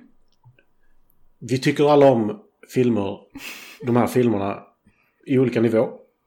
Ja. Jag tycker inte om att sätta betyg på saker. Så därför sa jag, men istället för att vi ska sätta betyg på filmerna 1 till 10, vilket är en jättetråkig skala för övrigt. Jag tycker vi ska 1 till 10 ta bort 7, för alla kommer säga 7 annars. Så därför sa jag 1 till 9. Det är jättebra. Hur bra tycker vi om de olika filmerna? Vi vet ju ungefär att Linda inte har någon koll på vad hon tycker om Star Wars-filmerna. Men i övrigt så har vi andra ganska bra koll. Ja. Och detta innebär då... Hur bra skulle du säga att den här filmen är på en skala från 1 till 9? Men skalan går inte 1 är dålig, 9 är bäst. Utan skalan går kanske 2 är sämst. Och kanske 5 är bäst. Utan att säga för mycket. Precis. Du planterade inte alls någonting här Matti. Jag säger eh, objection. Han lägger ord i munnen på vittnena. Nej men jag säger det är min skala. Däremellan är det lite fluktuerande. Då, vi- vad han vill säga är att skalan är individuell. Ja, Ja. mellan alla som är här. Och då kan Matti få Så inleda det så vi finns verkligen inget förstår. rätt och fel. Åh herregud. Det, det finns fel i att säga när du säger en siffra och titeln på en annan film. Linda, det finns fel. Ja, och, det, och det, det finns fel i att du säger att du, du väljer ett betyg bara för att jävlas. Som om du, vem, jäv, vem jävlas du med? Hon jävlar som är mig. Ja, okej. Ja, ja. Och det vet hon mycket väl. Matti, inleder du Star Wars-skalan så vi förstår? Fem! Ja. Detta är en femma. Ja, och så lite motivering också, bara snabbt. Da- Den är jävligt bra. Och av de nio filmerna så är femman jävligt bra. Så skulle jag säga. Nej men alltså skalan för mig är inte... Det är måndag idag och idag så tycker vi då att film nummer tre har en droid i sig. Så då är det mest den. Nej, men du får ju också förstå vissa här att de har det lite så här att det här var en fantastisk film för dig Matti. Men för oss var det tisdag. Ja. Street Fighter-referens. Japp. Bra! Uh, Damn! Damn. Förstår du Heidi så är det din tur. Ja. Jag hänger på och jag tar Efter. också eh, The Empire Strikes Back på den här för eh, den är en solid film som fortfarande håller. Jag tycker den är svinbra. Eh, ja, kan jag egentligen säga om båda de filmerna. Eh, ja, helt enkelt en femma från mig. you're alright. Som Karsten säger då, det är svinbra. Yeah. Eh, Linda, ska du sabba detta nu eller ska du vara med i gänget? Jag funderar på det. Jag, jag, jag, kan bara säga säga, sitt betyg nu. jag, jag, jag kan bara säga, säga fem också så har vi det avklarat. Ja, så, ja. eh, Samma och motivering, av alla anledningar sagt. Ja. Eh, jag sticker ut lite och säger en fyra för eh, jag är ingen skräckfilmsfan men det är en fantastisk film fortfarande och det är fyran också. Men den är inte riktigt där för mig men det är bara för att jag inte är den största skräckfilmsfanet. Tyckte inte om Halloween Eh. Okej då, jag, jag menar sju. Eh, Attack of the Clones Matti. You're making me sad. Nej förlåt, Linda, go. Eh, jag har inte riktigt bestämt mig än. Men eh, alltså, mm, jag är ingen skräckfilmsfan heller på det sättet. Eh, så jag kanske vill säga Star Wars nummer ett. Och Vilken så lämnar vi där, ja. Eh, alltså Star Wars, pratar vi Episod 1 eller den film som gjordes först Linda? Eh, Star Wars Episod 1. Ja, det var ingen räddning Phantom för dig där. Menace. Jag tänkte att det Matti, fanns en liten livlina för dig men... Det är inte den sämsta filmen. Så. Men Nej, eh, nej. Du, du har ju en dålig åsikt. Det kan jag ju säga. Ja. Det har du med Matti. Eh, Alltså, jag är med av den. Det, ja, jag är ingen skräckfilm, skräckfilmsfantast jag heller. Men jag kan ändå uppskatta en bra film. Som har skräckelement. alltså Ulf, kommer du ihåg det här? Har du inte varit med om sen vi såg på Halloween och vi gav betyg där? Ja, men det finns ju två som hade rätt och två som hade fel. när vi såg Halloween. Alltså jag tycker om den här mycket mer än jag tycker om Halloween, det vill jag bara säga. Bara nothing to do here. Känner jag mest. Matt, Matti, det här skulle aldrig hänt om inte du hade uppfunnit den här Star Wars-skalan. Hon har det Vi kan ta där. bort den. 1 till 10, vad tyckte du om denna då Linda? Ja, den gick du in i Linda, det får jag väl ändå säga. Mm. Ja men måste jag säga episod 5 då? Uh, Nej, du får säga, du, du får säga vad du vill. Det du tycker. Jag vet, men du klagar ju ändå. Jo, men är det inte lite den här, Jag podd, vet att eh, jag vad den här podden går ut på? att, att vi klagar på. Linda och Linda klagar på Matti. Eh, exakt. Eh, vilket leder mig till nästa gång och se vilken film Linda och Matti ska klaga på nästa gång.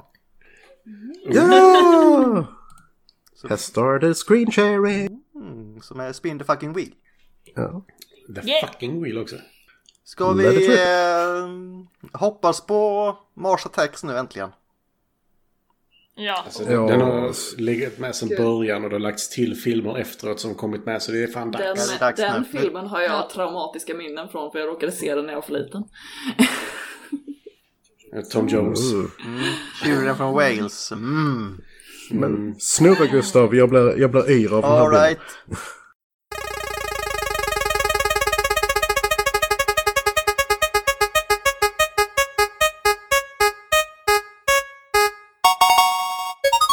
In Time. Med, Time. Det är min film då ja.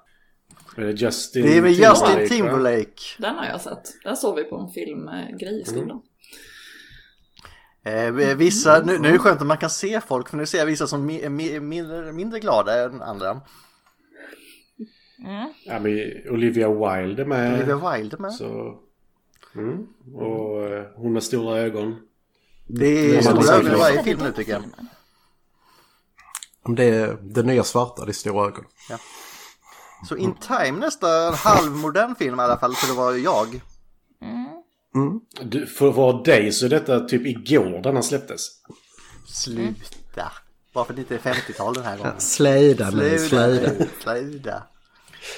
Jag får ju inte använda skånska uttryck, det har vi kommit fram till. Men det är privat Gustav. Det är privat. Men eh, Linda, ska du ta det här i mål Ja. nu med en quote? Jajamän.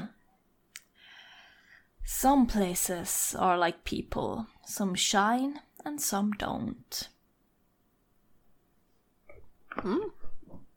Here's Johnny! Åh, oh, applåder från Ulf, du, nu, nu är det bra. Yes. Praise from Caesar. Va? Det var ju lite hybris från dig där Ulf. Praise from. Caesar. Praise från Caesar var det ja. Ave Caesar! Morituri salutan! Eh, Men det var allt vi hade för idag. Vi får ju tacka så mycket för att vår kära gäst ville vara med, Heidi. Tack så jättemycket för att jag fick vara med, det var superkul. Du är alltid välkommen tillbaka när det är någon film som du känner att du passar. Du... Ja, nej, men eh, kör ni Dr. Sleep så kan ni ju hit me up liksom. Yeah. Absolut. Nej men god, god smak är god smak här. Det är så att det är... Till skillnad från vissa andra. Ja, vissa andra. Men jag den du hade gett upp det hoppet för länge sedan Ulf. Ja, det är sant. Tragiskt. ja. Men eh, då har vi bara tackat för idag hörni. Så ses vi och hörs om en vecka. Ja. Det gör vi. Ja. Tack så mycket för idag. Ha det! Ha det bra! Hej! Hi! Mirrors on the ceiling, they pink champagne on ice. And she said, We are all just prisoners here of our own device. And in the master's chambers, they're gathered for their feast. They stab it with their steely knives, but they